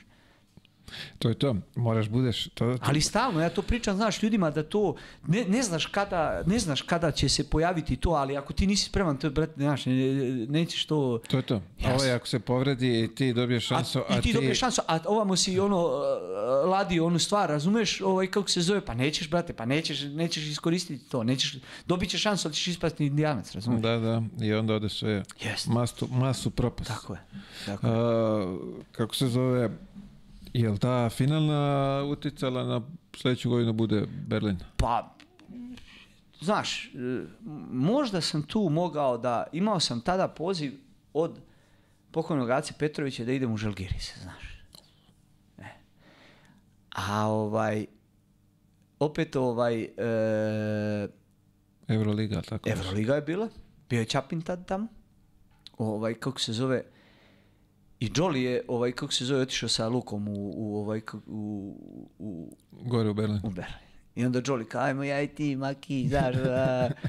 Ja rekao, pa znaš, ono, i onda je Miško zvao i rekao mi kao, znaš, ovo, kao Alba, tamo vamo, igrali smo one kvalifikacije za, za, za Euroligu, ono, znaš. I ja sam otišao tamo i, i nismo se plasirali u Euroligu i tako, znaš, to mi je onako, malo, malo sam slabija mi je bila sezona, nismo se, ja i Luka tu našli, znaš, ono, Luka je to nekako malo više organizovanije igrao, imao je tu već neku ekipu, ja nisam to, znaš, znaš ti mene, ja ne mogu bez lopte da, da, da, da pa kao da stanem i ne mogu ono, ako mi ne daš da šutnem dve iz kontra, ono trojke, razumeš, ono, ako mi kažeš da ne šutiramo, bolje mi reci idi kuće, razumeš, ono, standardno.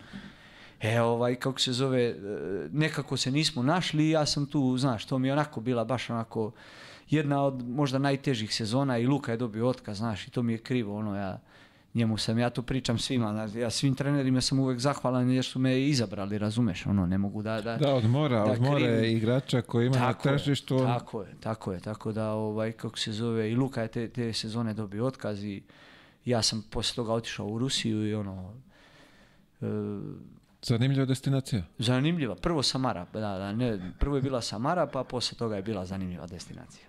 Šta, Samara je kao bolja Ne, od... pa bolja ti je Samara, ti je bliže, razumeš? Koliko? Ti je, pa sat i po od Moskve.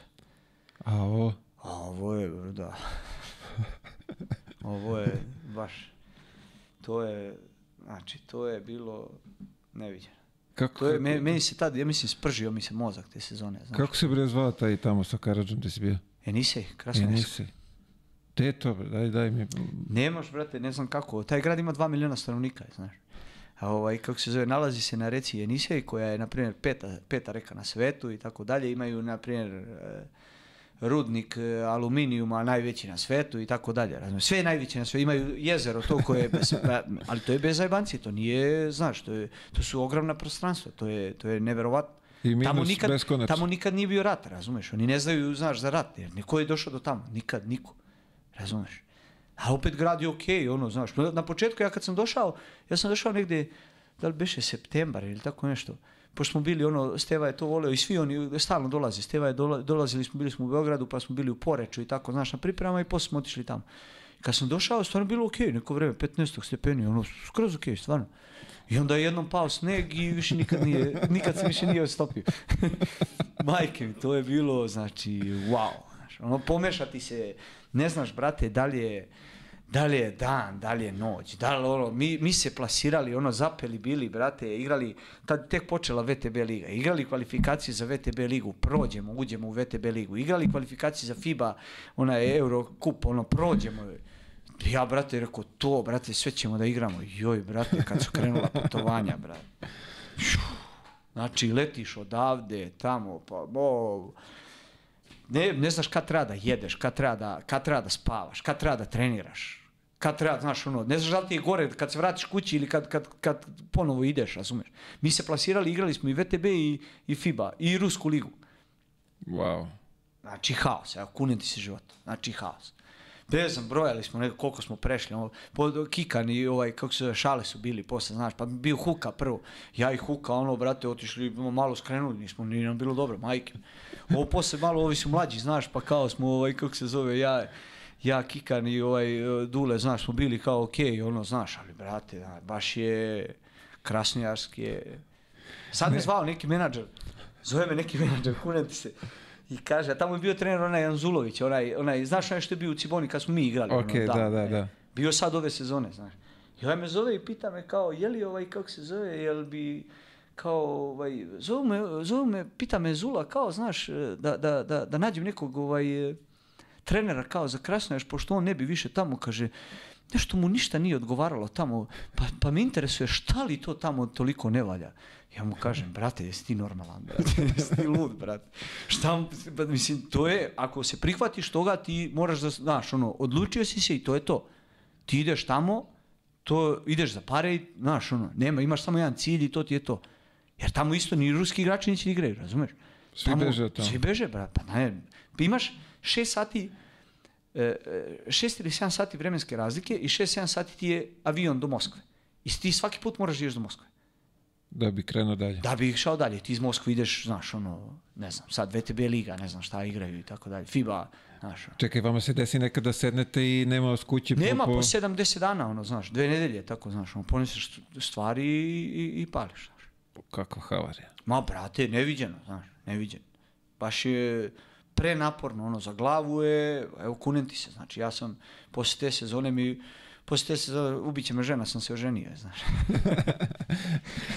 To je ova čuvena svadba. Pa da, Pričali smo, da, ne, dotakli Ma. smo se i, ovaj, te svadbe, bilo je ma, bilo je, bilo je. z- zanimljivo. Baš zanimljivo, da. Sećamo se i onih, aj dobro, nećemo, Ma. neće, bolje da Ma preskočimo. dobro, misliš, šta je tu bila svadba, svadba je Svadba bila vrhunska, Dobro, te nego malo jača bila, malo, malo jača, onako A. muška svadba. To, to, to, to. A Dragićević začinili to Ma, sve beže, ovim Sa onim topovskim udarima topovskim je to. udarima, da. Ludacija, ludacija. Havarija. Ne, dobro, ajde. Bilo Bolje, je svega i svačega na svadbi. bolje ovaj da, kako se zove, daj, uh, si mi ti pričao baš ta putovanja kad je bilo pa Sankt Petersburg, pa se most digo, pa ne možete dalje. Pa, b- mo, ne znam da li sam ti ja, ali moguće da sam ti ja pričao, razumeš, ovaj, se meni to desilo, znaš, ono, da sam zaglavio ovamo, znaš, ono, bilo je kao, o, pa kao, op, nemamo, znaš, gde. Jer, ono, San Petersburg je baš onako dobar grad za izlazak i tako dalje, znaš. Ali se dešava, mislim, e, ne znam da li sam ti ja pričao, ali se dešavalo, to znam da se dešavalo, da je bio problem, ono, da izađeš na tu stranu grada da, i treba sutra ujutro da se vratiš, brate, i da, da ono stigneš na vreme, i brate, ne možeš da stigneš na vreme, ne možeš da preplivaš, razumiješ. Baš ono problem, na, napraviš sam sebi problem. Ne? Digli most. Pa Šta je digli bilo? most, Digli pa da, most. pa digli most, pa šta ćeš? Čekaš dok ne prođe sve i A da, i onda dođeš kovca tamo, razumiješ, te svi prozivaju. je. Ali dobro. havarija. Uh, vi veliko, jedna vrhunska destinacija sa onako jednom zanimljivom sezonom Kragujevac. A, pa dobro, da, da. Tu je, I tu je isto. Pa isto, mislim.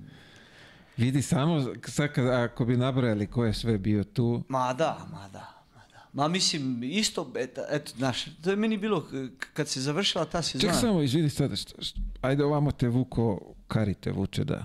Kako si ove destinacije birao? Koje? Pa sad lupam Krasnojarsk, Pa Krasnojarski je, nisam, e, nisam imao ništa, razumeš, ono, Krasnojarski, e, isto sam negdje krajem, ono, i, i, i Steva me potpisao, znaš, ono, nisam, Steva je zvao i pitao hoćeš li, ja sam, znaš, ono, prihvatio to, jer ja posle Samare, ono, malo slabija je ta bila godina, ono, Alba, Samara, baš je onako bilo, znaš, ništa nešto posebno. I onda me Steva uzeo u Krasnojar, znaš. I, znaš, nije bi bilo dobre pare bile, razumiješ, nije to bilo loše. Pa vidi, sigurno ne bi Pa, to ti pričam, razumeš, ludaju otišao za pa.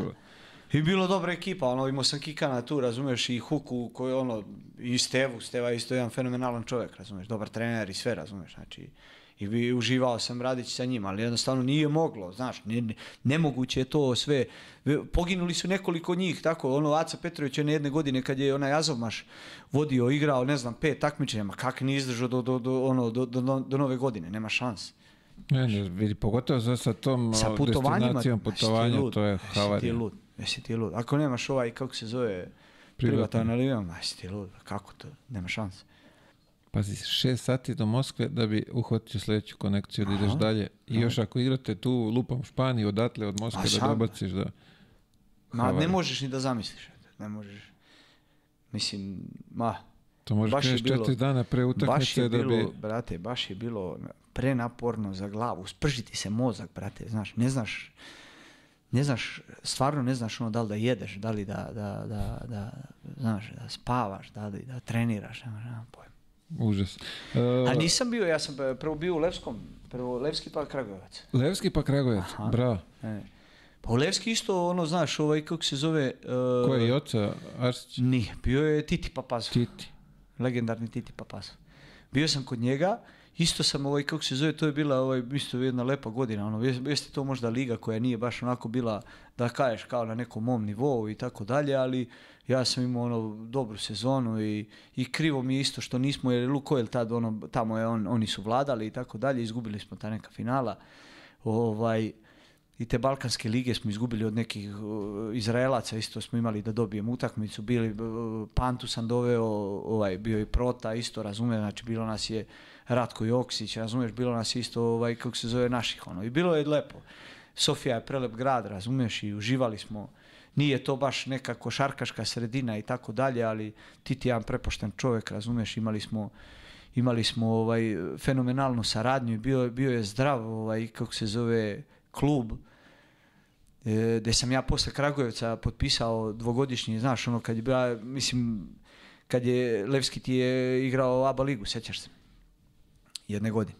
Stvarno? Da.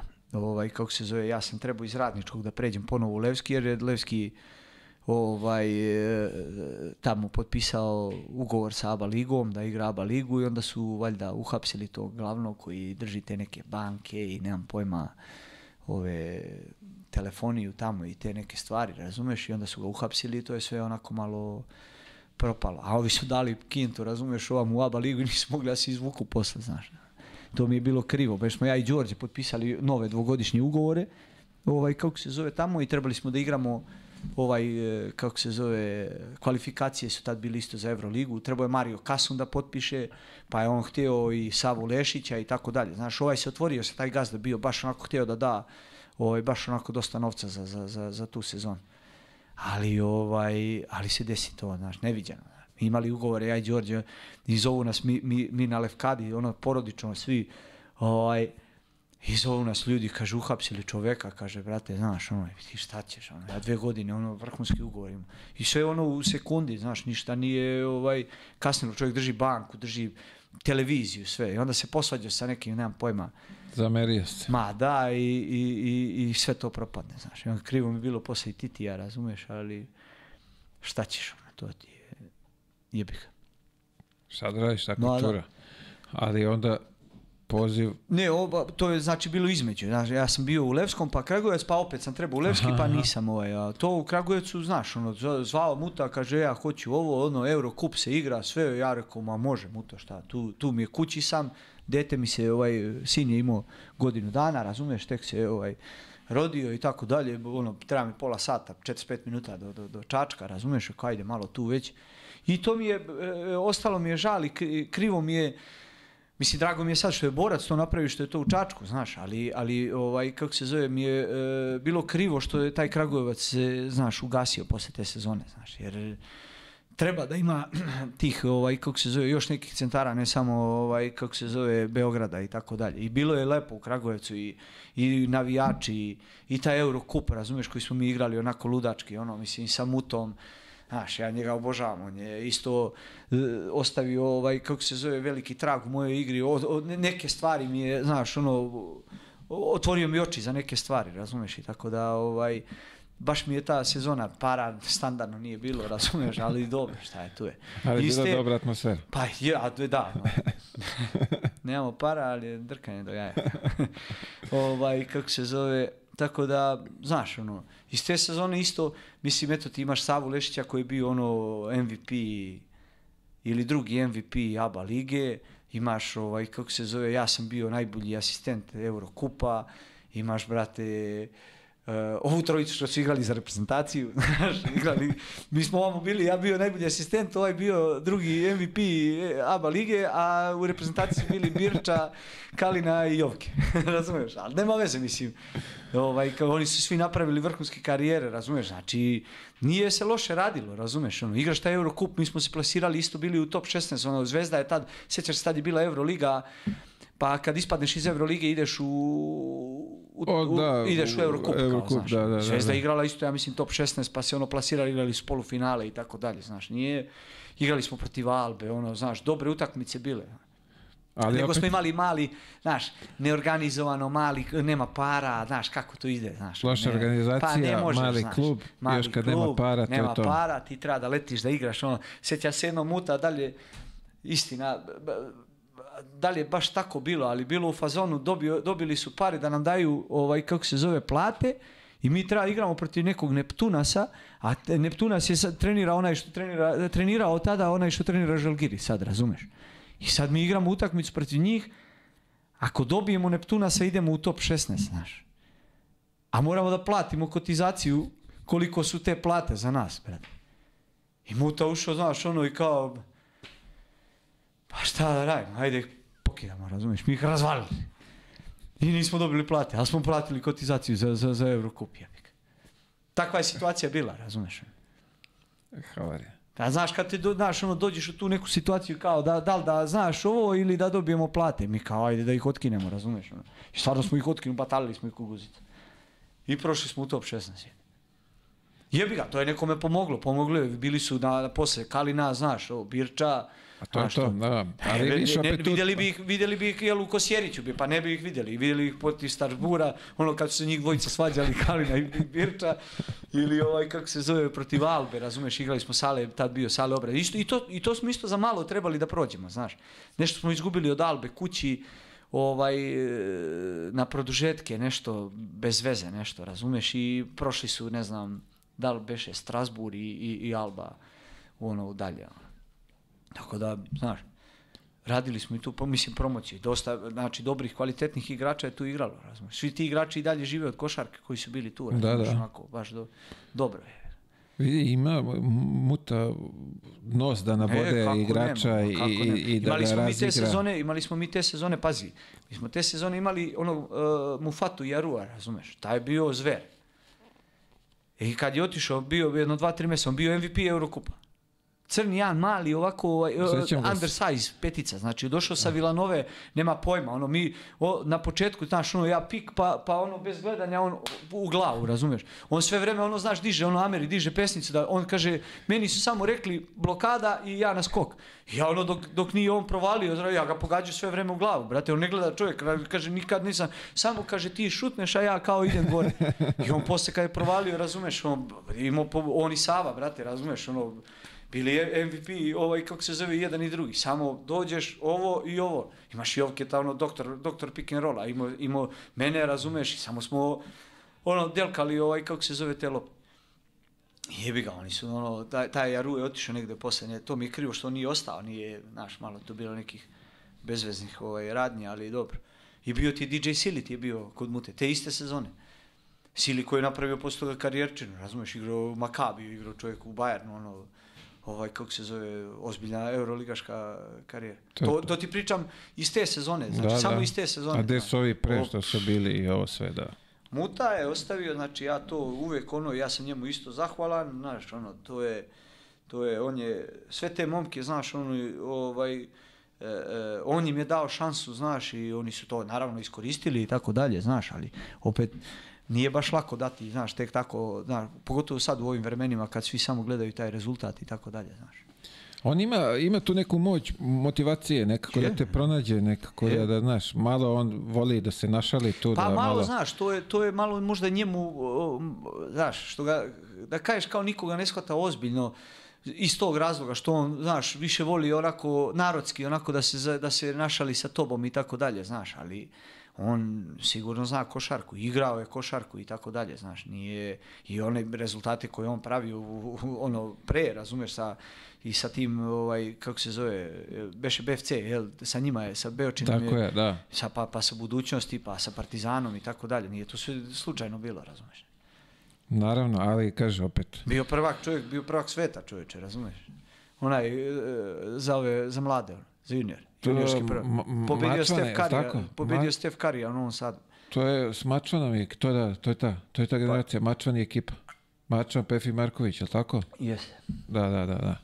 I e, beše i Turska isto dole imao Jeste, ja mislim Tepa isto. i Jeste. Pekmen i ovi kad Jeste. su, kad su ih da, mislim, očigledno da zna Da, da. ovo što ima Da. zajebancije, fore. Da li je taj, ovaj, kako se zove, posao trenera je veoma težak. Sad si Marko. Marino iz 20 godina. Nemam kosika. Jaka priča. Ovaj, a, ajde ovako, ajmo do, do, u repuku. 2006. poziv, što kažeš, ostvario si svoj dečački san. Jeste. Japan. Jeste, ovaj, kako se zove, pa eto, znaš, ono, bila je ta smena generacija, ja sam ovaj, ovaj, dobio poziv, ono, bio sam tu cijel, ovaj, te pripreme, bili smo ja, Boki i Vule Avdalović, ovaj, kako se zove, na pozicijama playmakera, ja mislim bio je Rakac, znaš, ono, ja sam tu, ono, bio taj neki, nisam bio u prvom planu, ali ovaj, Šakota je nagradio to što sam ja, nagradio me sa tim, ono, kako sam igrao prethodne godine i tako dalje i ja sam se, trudio sam se i tako dalje, znaš, i, i prošao sam, ostvario sam san, igrao sam na svjetskom prvenstvu i ima i ta utakmica naša protiv, e, protiv Španaca, mi smo izgubili, tu, sam, tu smo ja, ja, ja i Darko ovaj, dali najviše poena, ja dao 15 poena, znaš, to je isto, to mi isto tamo negdje preporučilo, ono u Gironu, znaš, kad sam, ovaj, jer sam, Španci sad bili ono vanzemaljci, znaš, to, Da, oni su bili prvaci tada. Znaš, oni su ono se pojavljivali i ono gazili, ono, bilo super košarka. ono. Sa svima ovima, ono Gasol, ovaj stariji Gasol, ovi, generacija 80 razumeš? Oni su kidali tad, Navaro i to sve. Tad smo igrali ono, i mi smo igrali osminu finala sa njima, oni su nas izbacili i mi smo se vratili. A smo izgubili ono glupost neko od ono Nigerije, nemam pojma, razumeš, to je bilo ovaj, Grupa je bila onako... grupa, pa to, znaš, izgubili smo to, izgubili smo nešto jedva od Argentine i od Francuske i to nas je navelo na, na, na, na Španci u osmini finala, znaš. Iako smo, na primjer, u, u pripremnom periodu ono, dobijali Grke, dobijali Italijane, znaš, ono, sve bili u Bormi, ono, tamo sve. Bormio, pa je, gdje smo bili? Strasbourg? Ne, bili smo Ja, bili smo u Valenciji? Bormio, Valencija, pa smo išli, jesmo išli odatle za Strasbourg? Ne znam. Ne možeš, ja mislim, Bili smo u Alicante. bili. Sjećaš se u Alicante smo igrali? negdje smo bili po Španiji, znam da smo iz Alicante, Valencije b- b- igrali smo leteli. Alicante i Valenciji. I pa ste, vi ste otišli, ja sam ostao u Alicanteu da potpišem ugovor. Aha, aha, aha, aha, bravo. E. Šta ti još ostalo to svetsko? Pa mislim, Sećanje. ono, pa veliko iskustvo, ono, razumeš i to, znaš, nije... Aj svet basketa je, pusti basket. Pa dobro, ovo, mislim, ovo. o, ma bili one, one pripreme, ono, ono, tamo, ono, kad smo bili u Bormi, ono, pišanje živo, šta, šta smo radili tamo. Mislim, trenirali smo, nije, nije da, ne, Raspadali smo se. Nije trenirali smo ono bata nas ono razvaljivo, razumeš, ali ovaj ono malo par izlazaka onih kad smo bili ono ovaj kako se zove, pa kad smo išli gore na ona na- kad smo se peli na onu planinu, se sjećaš? da. Bravo, seća se. Pa kad smo pevali, pa kad je Mire, Mire pevo, ovaj Mire. Rajčević, Mire je pevao cecu. Ovo je svijet za neki hrana. Strava, strava. Bila je dobra atmosfera. Jeste, jeste bilo dobro, Je, ono Japan što se ja da. sećam, onog Japana, to je... Ja nisam doživio svetsko prvenstvo kao svetsko prvenstvo, znaš i sam, Da. ono, podeli Da. pola tribina, ovi viču Argentina, Je, je, iz ma da, Jugoslavija i to je to, baš je onako Ma bilo. jest, a dobro. To u je, to tim je, nekim- sjećaš se i u Koreji ti isto tako bilo.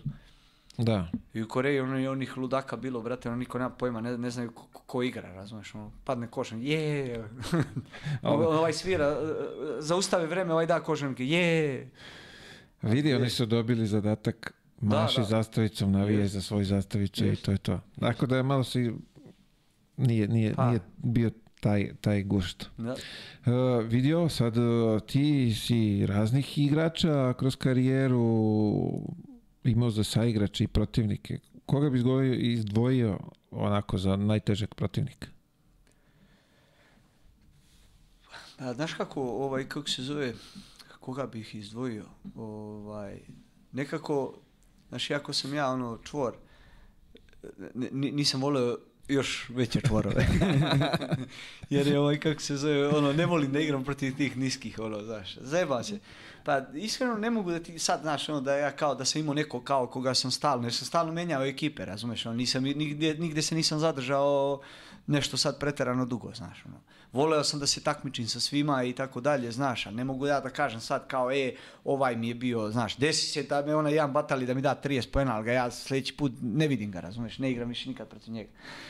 Ovaj, tako da, ne znam, ono, bilo je vrhunskih igrača, ono, sjećam se jedno da me, da me je ovaj Jaka razvalio, bio ovaj Jaka Laković tamo ono, u Barceloni, a dao mi 8-9 trojke, ono, ja se nešto kao trudio, ono, svaki put ja zaspim, oni nešto odigraju tamo, ono, priđe da trojku, brate, znači, a znam da, ovaj, da, da, da ono, kod kouča imamo posle, brate, video, znači, bit ću... Nije do života. Ma, kakvi, brate, razumeš, ono.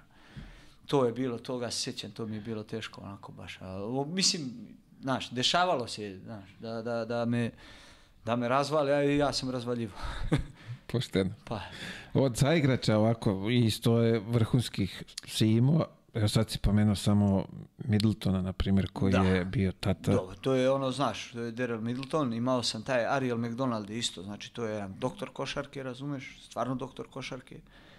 Ovaj, Fućka isto, znaš, to su, to, to, to su iz tog vremena ti, ti neki koji su mi onako, znaš, ono, wow, koliko su, koliko su bili, koliko su sa lakoćom igrali, razumeš, kako su se, taj Fućka, na primjer, e, dribla, to, to niko ne zna, dribla kao playmaker, znaš, ono, ja sam ono kao priđem u malo nešto mu uzmem loptu, samo vidiš sevneti lakat, brate, u vilicu, batali, ali on ti je, on ti je sa bodirogom ovaj, e, trenirao tamo kod, kod, kod, jeste, kod Boše, znaš. Da ih je on, on ih je ono usmeravao i znaš, ono, da, da, da, da svi driblaju, nije bilo ono pozicija, znaš, nego su svi bili polivalentni, znaš. Tako da, imaš njih, pa šta znam, e,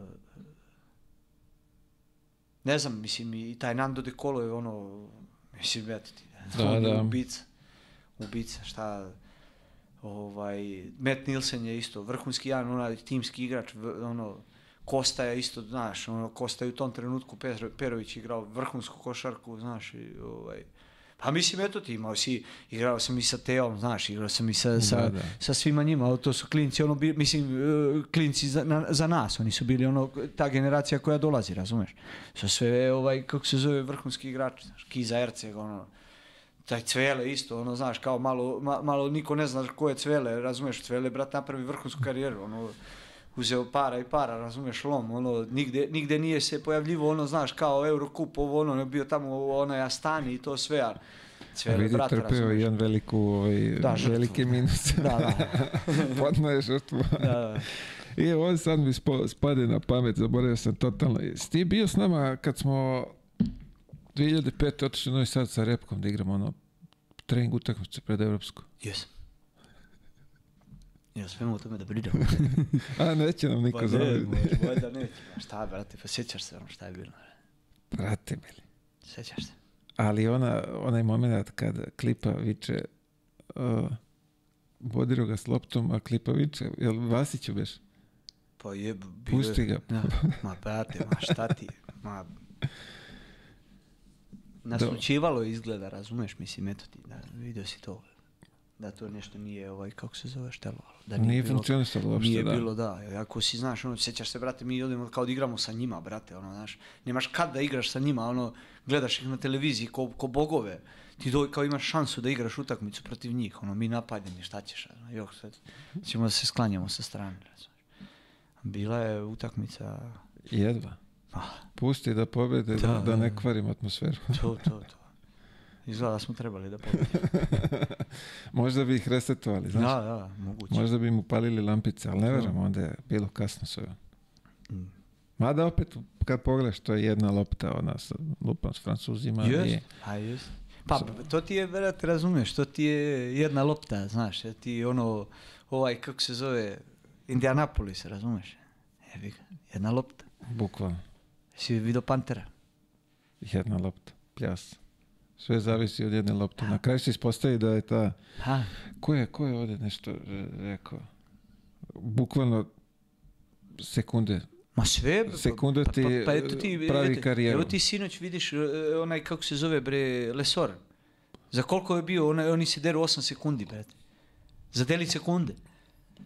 Znaš da je stao, on, ne, ne znam da se sjećaš, uzeo loptu, on, Željko je imao time out, Dobro. on je crtao i nekako je lopta došla do Lesora. Jer je bio, on je napravio blokadu pa se otvorio, razumiješ poslije. Kad je preveo. I onda su, ovi su znali, pa ovaj je prišao, onaj, onaj gos je prišao ovom, kako se zove, e, Panter, nije mu da. dao ono iseko ga bio. Da. I ovaj stoji, stoji, stoji, razmišlja, daj, daj, daj, daj, daj, da je predrban, predrban, došao tamo i onda su odigrali onaj pik, razumeš, eto, i sve se, a desilo se, znaš, ono, delić sekunde, jer ovi se deru tamo sa klupe, ono, 8 sekundi, 8 sekundi, razumeš, Za dlaku. za dlaku. To je to što ti menja karijeru. Je? E, kad počneš razmišljaš, ajde vidiš, sad možda, kad počneš razmišljaš, ali tebi to preko noći se desilo, o, o kraju karijere, ti si teo još da igraš, ali ovo je bilo bukvalno poziv, Pa jeste, da. biraj. Da. Ovaj, kako se zove, pa mislim, iskreno, ovaj, dosta ljudi je mene savjetovalo da, da igram dokle god mogu, razumeš? I ovaj, tako ja isto sad savjetujem ovaj, Savu, pričam Savi da ne, znaš, on kao, hoću, znaš, on kaže, bre, si ti lud, bre. Veruj mi, nema, nema, nema boljeg i lepšeg, ovaj, kako se zove, posla od ovoga što, čime smo se mi bavili, brate, razumeš? A mi je, znaš, ono, da- da mogu da igram ceo život, igrao bi Da. život, razumeš? I to, da, da- to je ono da ja još uvijek ono kao taj neki mladi, neiskusan trener, ne, ne pravim još uvijek ovaj, kako se zove, razliku. Mislim, to ide sa vremenom i, i doći će to, razumeš, ali ne mogu, znaš, da, da, da te neke stvari, ono, e, da neće da šuti, ono što sam pričao na početku, znaš, da neće da radi, da neće da šutira, da neće da, da, da to, to ne varim, ono, nikako, još uvijek to ne mogu da kanališem, znaš, nikako ne mogu da, mu, da priđem igraču i da mu, imaju ovi koji hoće slušaju, imaš ovi koji neće slušaju i sad ja ne, ne, ne, ne varim to, znaš da ti nećeš, da, da ostaneš sam pet puta i omašiš pet puta, pa čovječe, dođi u halu, šutiraj, dok, dok, dok, daje, brate, razumeš, daje, od toga živiš, brate. To sam sad razmišljao, gledao sam, gledao sam uh, NBA pre neku noć. Uh, San Francisco, O, Sacramento. tako je. I ti pogledaš kako oni to lagano pogađaju. I onda prođe mi kroz glavu koliko puta su oni šutnuli tu loptu da bi na utakmici pogodili Brate, Panter, Panter, 3-4 puta. Šutne onu loptu, ono, ono, gledao sam to, razumeš, on, on, on priča, on to šutira, to, brate, to je njegov šut. Pa je onda i Ovaj se- odmah posle kao Ovaj otišao na ovaj svoju se, onaj, poziciju. onaj, znači, onaj, to. se, onaj se, ovaj, kako se zove, bre, e, Jabusele, on je, ne znam šta je on, znaš, on čovjek napravio korak unazad, dao ovome, ono, open look, brate. On ovaj je sam- očekivao da će na prodor, verovatno. Znaš, ono, mislim, ti, ti imaš scouting, dobijaš scouting, znaš, ovaj iz levog driblinga ubica, ono, šutira žmureći 10-10. I on ga namestio lepo i ovaj mu tačno uradio jedan korak unazad, razumeš, i Pljas. bući. Ono, ti je otvoren šuter, razumeš. Ali to opet, sad vraćamo se, koliko puta su oni to ponovili To da bi pričam, u ovom to momentu ti dali. pričam, to ti pričam. Koji su to, ono, hiljade i hi- hiljade sklekova. Tako je. Tako da, E. ima ovaj... Jesi razmišljao šta bi radio posle kad završi karijeru?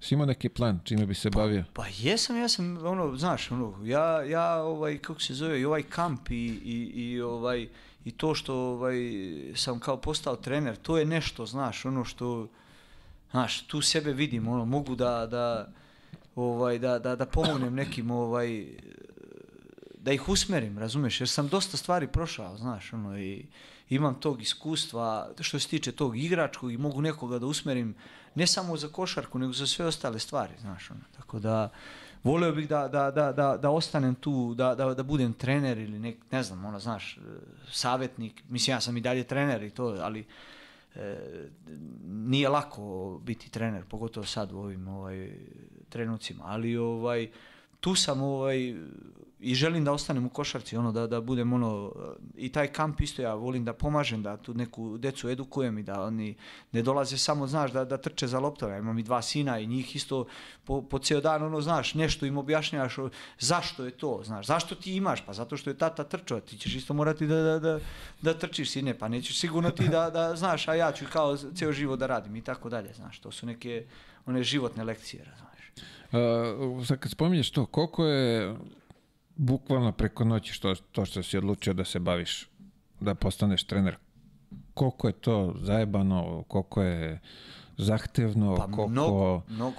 Ti- Promeni ti se- Drugačije razmišljanje, Pa cijel- totalno. Znaš, cijel život ti se promeni, znaš, ono, ovaj... e, Mislim, ti imaš to sve u, u malom prstu, jesi Da, ali- ali- igro playmakera, da si centar, pa kao ajde malo kao Ma, ne, diskutabilno, ne, znaš ali... kako, znaš kako, ovaj, kako se zove, kako se to sve promeni. E, ti kao igrač uvek, ovaj, kako se zove, e, možda dođeš da istrčiš, da, da šutneš i tako dalje.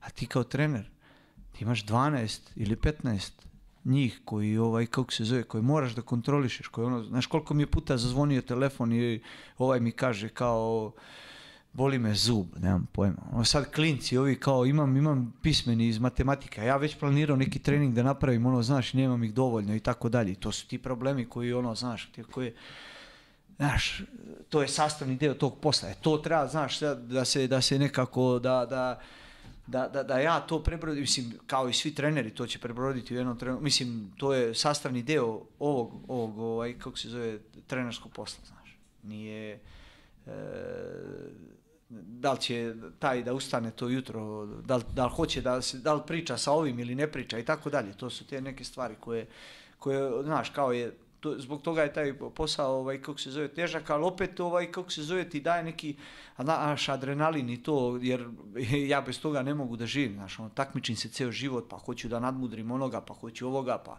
ovo, znaš, i, i ove godine sam igrao protiv Željka, znaš, ono, pa, nije, nije prethodne godine protiv Saleta Obradovića, Deja Radonjića i tako dalje, to su sve ozbiljni treneri, dobri treneri, da nekoga ne uvredim. Da, da. Znaš, to su sve neki o, koji imaju iza sebe nešto već osvojeno i tako dalje, znaš, tako da oni rade scouting mene isto kao što ja radim scouting njih i tako dalje, znaš, tako da to je ono što, što je draž svega.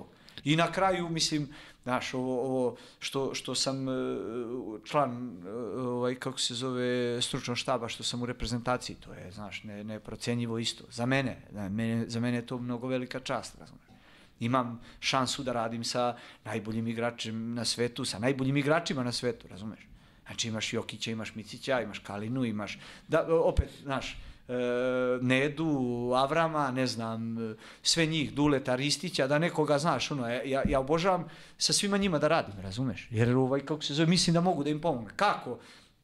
Kako vi kažete, ja ću vam pomoći, razumeš, nije problem. Ja ću ti sugerisati, ti ćeš to primiti ili nećeš, ali ja možda nešto vidim što ti ne vidiš, pa ćemo se negde naći, ako može, može, ako ne, nema veze, ja sam tu, ja sam tvoj servis, razumeš, tako, tako, Tako. da, tako da nazovem to, razumeš. Imao si dobre i trenere kroz, kroz karijeru. Jes, jes, Mnogo dobre trenere. jes. Ti si pokupio, verujem da jesi, ali m, od koga bi, ajde, onako... Pa- Ajde, Kari je, okej, Kari je posebna priča, od ovih ostalih, koga bi izdvojio tu sad? Pa eto ti, evo, pričao sam ti ono, mislim, ajde, Željko, ovaj, kako se zove, imaš e, Pešić, imaš Spahiju, imaš, ovaj, kako se zove, e, e, Mutu, ovaj, kako se zove, kako da nekoga, rekao sam ti Stevu i daš, ne, ne bih ne, Luku Pavićevića koji isto ima košarku u malom prstu, razumeš, i taj Rale Bojić isto iz Čačka koga ja ne bih ovaj, kako se zove, znaš, e, i on me isto dosta stvari naučio u životu, razumeš, i tako dalje. Znaš, ja, ja ovaj, Jolly isto koji mi je bio prvi trener i tako dalje, znaš, tako da ja imam respekt e, prema svima njima, znaš, oni su me poka- uveli me u to nešto, Vlade Andrović, ono što sam ti pričao, razumeš, znači, od svih njih neki skako tamo i tako ne, neki ljudi koji su, ovaj, kako se zove, me trenirali, od svih njih sam ja nešto ovaj, pokupio e, ovaj, i mislim da sam najviše, ono, te neke osnove, ono, ovaj, kako se zove, e, sam naučio, imao sam dobro tu startnu, znaš, taj, kod tog Vlada Androvića, imao sam dobru, ovaj, e, dobar početak, jer nas je on učio ti nekim osnovnim principima, razumeš? Odbrane, napada, Jasno, čega god, da, razumeš. da, da. I to mi je ono pomoglo gdje sam ja onda, znaš, ja onda shvatam sve, ne moraš pet puta da mi kažeš i tako dalje, znaš. Znaš i sam kako je to, znaš, nije, nije, e, nije mi teško da, da, da prihvatim. Ne, jedan, jedan hoće da igra ovako, drugi hoće da igra ovako, nema nikakvih problema. I jedan i drugi su u pravu, nisu... Ali ne smemo da, da, da, da radimo, ovaj, to sam imao sa Jovicom Arcićem, eto i njega da pominjem, e, e, ne smemo da imamo e, tri različite, ovaj, kako se zove, filozofije ili neka tri različita načina, jer je bolje jedan loš način nego tri, tri različita, razumeš? Kapiram. Znaš, Jasno sve. Poprilično jasno. Uh, ovako. Daj nam, ajde, pričali smo ovde, posavjetovali smo, ali je onako jedan, što bi se reklo, savjet za klince, sem ovog što si do sad rekao, jel bi imao nešto da im dodaš? E, slušajte i ovaj, da, da, da, da slušaju trener. Znaš, da, da ovaj, kako se zove, e, mnogo je teško, ni, ni toj deci nije lako, razumeš, ali ovaj, mislim da treba da, da, da se, to je ta neka disciplina, znaš, disciplina je mnogo, ali teška sad, u ovo neko novo vreme, sad teška, teška reč, znaš, treba biti disciplinovan, znaš, treba, treba raditi to što ti trener kaže, znaš. Mi smo sad ono došli, ono, živimo u vremenu informacija, znaš, sve ti je mnogo dostupno. Ono vreme, ne mogu da zamislim kako je bilo, pričao sam sa, sa coachom, ovaj, sa Pešićem, kako je bilo sa rađom Jugoplastika, ono, pa onaj, onaj njihov Bormio i tako dalje, znaš. I oni su isto bili, znaš, nisu baš oni bili, ovaj, kao da su sve htjeli da rade, znaš, jesu oni krvavo trenirali, ono, brate, trčali, onaj rađa, ne znam, ono, su sve zveri bili, to nisu bili ljudi, razumiješ ono treninzi, ovaj, kako se zove, sad sam e, taj e, Trninić, ovaj, neki profesor koji je pisao te neke knjige, razumeš, i on, on, on kaže da su radili po 4-5 sati, on, po sat vremena su radili onaj skijaški set.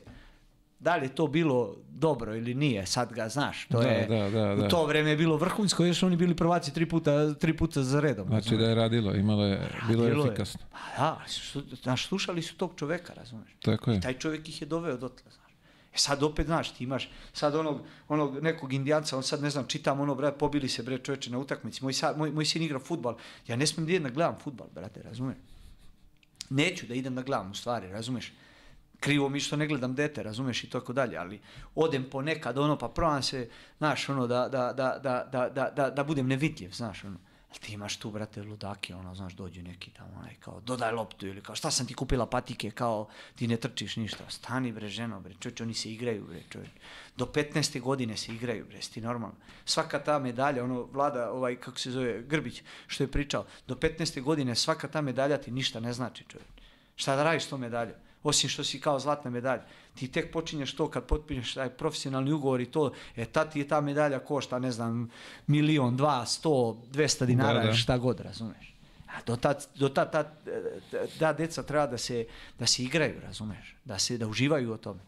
Ali naravno, opet znači kažem, da uživaju, ali da budu disciplinovana, ne da, ne da ovaj, kako se zove, da budu, da bude ono, znaš, da sluša roditelja, pa kao ćale ti kaže, pa kao, ej, znaš, ono, jer sad su svi, znaš, i sam, ono, što sam, što sam ti rekao, živimo u vremenu informacija, pa je svima lako, znaš, da uzme, da, da uđe na YouTube i da vidi, je sad ovaj, vidiš da nije ovo dobro. Pa nije, dobro je, razumeš, dobro je, ali treba imati povjerenje u tog trenera, razumeš i tako dalje. Tako je, tako je. Mislim, nadam se opet da ćemo im koliko toliko ovaj, skrenuti na to da budu malo svesni, da, da puste ljude da rade svoj posao i Da. se ne mešaju mnogo. Uh, pitanje za kraj.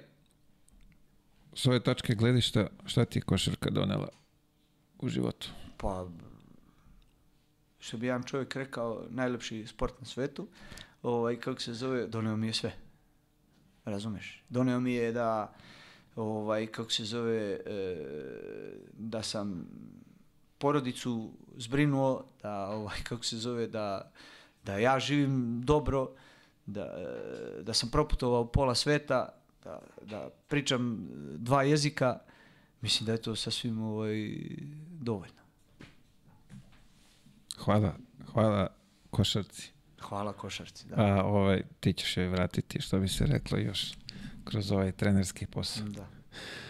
Miksa, reaguj, brate. Vidio, ovo smo uigrali, već gleda sad kad ispadne. Evo ga.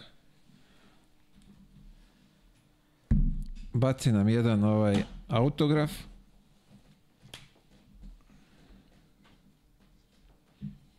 A pazi šta sad imam za tebe, brate. Ja ne pijem. Znam, zato ti... zato ću sad potruditi se lepo da ti ovo ovaj, Dobro, predočim da bi počeo da piješ. dobro, Rock and Rose. dobro. Matijašević, bronzana medalja na dekanteru, to je već ne znam koje prvenstvo, dobro. za 2021. Idu topli dani, ide 1. maj, Tako je. matori, da se osvežiš sa, sa svojom ekipom. Jed, jednu čašu. Jedno, nemoj, nemoj da preteruješ. Ima i mere, treba imati Naravno, mere u, naravno. u piću. Treba, ti zna, ja te poznajem onako znaš, da, da. znam da si čovjek od mere. Matori, hvala ti na... Ništa, bilo mi je Ja prošla zadovoljstvo. trojka. Šta? Da. 2.42, dobro, nismo prebacili trojku, što je najvažnije. Možeš gdje god je ovaj posadi, kako se zove, skupljamo potpise, ne znam koliko si upućen, pa ćemo neku aukciju, pa ćemo taj Bravo. novac koji skupimo Bravo. da doniramo nekom kome je potrebno.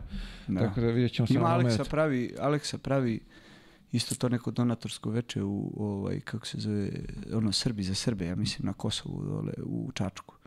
Pa ovaj kako se zove će isto da da svoj dres, da ja isto moj dres i tako dalje ćemo ovaj Kad je to? ne znam tačno mogu da ti javim. Pa to bilo bi lepo. U stvari, ne, znaš šta sam zamislio? Ja sam zamislio da mi to ovdje guramo kroz emisiju. Da. A ne znam Može, kako ja ćemo mogu da. te ja mogu da te povežem sa tom devojkom, to je jedna fenomenalno fina devojka, razumeš, to je ovaj koja se bavi time ono ovaj kako se zove tim humanitarnim radom i tako dalje da. I- da, da, da vidi kako možete da dođete do neke... Ja sam mislio ovako da pružimo ovaj priliku gledalcima da učestvuju u tome, pošto su tu da uz kanal, vamo tamo, pa da vidimo ipak tu, ne znam koliko će potpisa da bude i kad Da. ćemo da se odlučimo na to, ali svakako novac možemo Ma to, već da. kome pla, ovaj, da, ali mislio sam ovako, mislio sam, što znači da razmišljam. Mhm. Ovaj, pa ćemo vidjeti kako ćemo to sprovesti u delo, ali to je neka zamisao. E, ovako, hvala ti na izvanom vremenu. Želim Ništa. ti ovaj prvo kamp još jednom od 1. jula do, Ne, od 3. jula do 10. do jula, da. 10. Tako je Bićeš sve. blagovremeno Tako, obavešteni da ne zbog mene, sigurno... nego zbog, ti ćeš Da, me da. obavestiti, ali da obavestimo, ali Da. iskoristit ćemo i ove društvene mreže da ih po- podsjetimo na to, tako da nije problem. E, da to sve prođe kako treba, porodica da bude živa, zdrava i ovaj, trenersku karijeru da to malo zakotrljamo na, u velikom stilu. Pa, trudit ćemo se. Ti si iz Čačka, opusti ruke, Da, Željko ti dolazi na treninge, tako da da, da. to je to, na dobrom si putu. Opasan sam. Hvala, Ce- Remi. Cepaj dalje. Hvala još jednom. Hvala i vama, dragi prijatelji, gledalci, braća, familija, kumovi, poznani i nepoznani. E, na izvojenom vremenu vidimo se već sljedeće srede. Svako dobro.